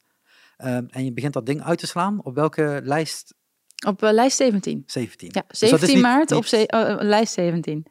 Makkelijker onthouden wordt er niet. Precies. En dan nummer 4. Nummer, ja, dat Of heb jij geen zin om, dat heb ik helemaal niet gevraagd. Heb je zin, geen om, zin? Oh nee. om Nee, het lijkt me geweldig werk. Het lijkt me eerlijk gezegd nog leuker dan ehm, campagne. eh, omdat je dan op het moment dat je echt in die kamer zit, eh, dan kan je ook echt iets gaan oplossen. Dan kan je echt aan de slag. Ja. Dus ja, nee, dat lijkt me geweldig. Maar ehm, Dus op we hebben heel stemmen, veel. nummer 4. Maar, Ja, ik wil eigenlijk zeggen, eh, we hebben heel veel goede kandidaten. Dus eh, maar nummer 4 springt eruit. Nee, ik denk, ik denk wel, Nee, ik denk dat als ik je zo hoor praten, tot, tot je ook wel iemand bent die, eh, die vooral actie wilt. Die vooral gewoon dingen op gang wilt zetten. Mee wil denken om die beleidstuk ook op de juiste manier vorm te geven. Hè? Ik bedoel, dat, Ja. Daar had je natuurlijk in het begin over dat dat schrijven ook wel in je zit. Dat, Ja, dat, hè, dat, ja, dat ah. vormgeven. Dat doe je natuurlijk ook gewoon vanuit de Tweede Kamer. Om gewoon dan bij de interruptie, interruptiemicrofoon te gaan staan en zeggen van ja, maar dit kan ook. Hè, denk hierover mee. En dat hebben we natuurlijk de afgelopen maanden op heel veel verschillende manieren gezien. Niet altijd even goed over één heel, be- heel bepalend onderwerp op dit moment. Maar hè, zoals, de, zoals de, de, de partijstandpunten ook zijn, het gaat nu even niet alleen maar over dat ene onderwerp waar we het al een jaar over hebben. Maar dit gaat even over vier jaar, tien jaar, twintig jaar en verder. ja, precies. Dus eh 17 maart stemmen, dat mag de hele dag, dat kan de hele dag. Maar ook op 16 Ik en op 15. Precies. Dus het is niet alleen de 17e, maar iedereen zegt de 17e, want dat is de einddatum. Ja. Dus kijk even goed wanneer je kan, wat je vindt dat veilig is, maar ga vooral stemmen. Zeker. Ehm, eh, je hebt genoeg, je hebt drie dagen de tijd. Je hebt niet maar één dag de tijd, je hebt drie dagen de Ja, tijd. dat om gaat je lukken. Dus dat, dat En je mag ook dat- nog iemand machtigen. Hè? Als je zegt van nou, ik vind het onveilig, dan ja. mag je iemand machtigen. Ja. En, Dan eh, kan het gewoon naar het partijkantoor kun je eens opsturen en dan doen jullie dat. Eh, nee, Nee, nee, Eh, dat- nou ja, dat moeten we misschien maar niet nee, doen. Maar nee, dat, stuur het, stuur het, of nee, vraag vooral iemand die je vertrouwt, waarbij Precies. je prettig bij voelt, waarvan je denkt, oké, als ik nu zeg dat dit de partij is die je op gaat stemmen, dat die persoon dat ook voor je gaat doen. Dat heeft niks met, met, met, met jouw veiligheid te maken over dat je dan je, je, je stem naar buiten moet brengen of zo. Die persoon die je vertrouwt, die gaat het echt niet vertellen aan andere mensen. Precies. Komt wel goed, dat stem, stemgeheim, zo heet dat. Eh, dan, dan komt dat wel goed. Maar dan is in ieder geval je stem geteld, dan zit hij in ieder geval bij, dan gaat dat in ieder geval goed. En het zou heel fijn zijn als we een vergelijkbare opkomst konden krijgen als vier jaar geleden of meer. En niet dat er een hele grote dip in zit, omdat heel veel mensen denken, ja, maar ik kom niet buiten, terwijl je wel twee minuten later naar Albert Heijn toe gaat. Dus kom op mensen. Laten we met z'n allen in ieder geval een stem uitbrengen. En voor iedereen die het op zijn eigen manier doet, eigen partij stemt, het is altijd goed zolang je maar gaat. En als je niet gaat, kan het ook goed zijn. Maar ga toch. Morgen weer een volgende eh, Shark Talk. Nog een nieuwe podcast. Eh, dan gaan we weer kijken waar ik dan weer op uitkom. Dan zit ik lekker in Venlo. Iets dichterbij dan Utrecht. En in de middag. Eh, maar dan hoop ik niet dat die podcast drie uur langer duurt. Want het is een hele mooie tijd, denk ik, om alle standpunten een beetje te, te vertellen. Ik wil je nogmaals heel hartelijk bedanken. Heel ik hoop dat ik jou over drie jaar nog een keer mag, mag spreken. Maar dan dat je dan in de Tweede Kamer zit. En tot er van alle dingen veranderd zijn. of begin zijn gemaakt. Of aanzetjes zijn gedaan. Of wat dan ook. En tot we dan gewoon vooruitkijken naar, eh, naar de volgende. Het zou heel mooi zijn. Ja. Is goed, dankjewel. Dan ronden we hier af. En dan eh, tot de volgende keer. Doei.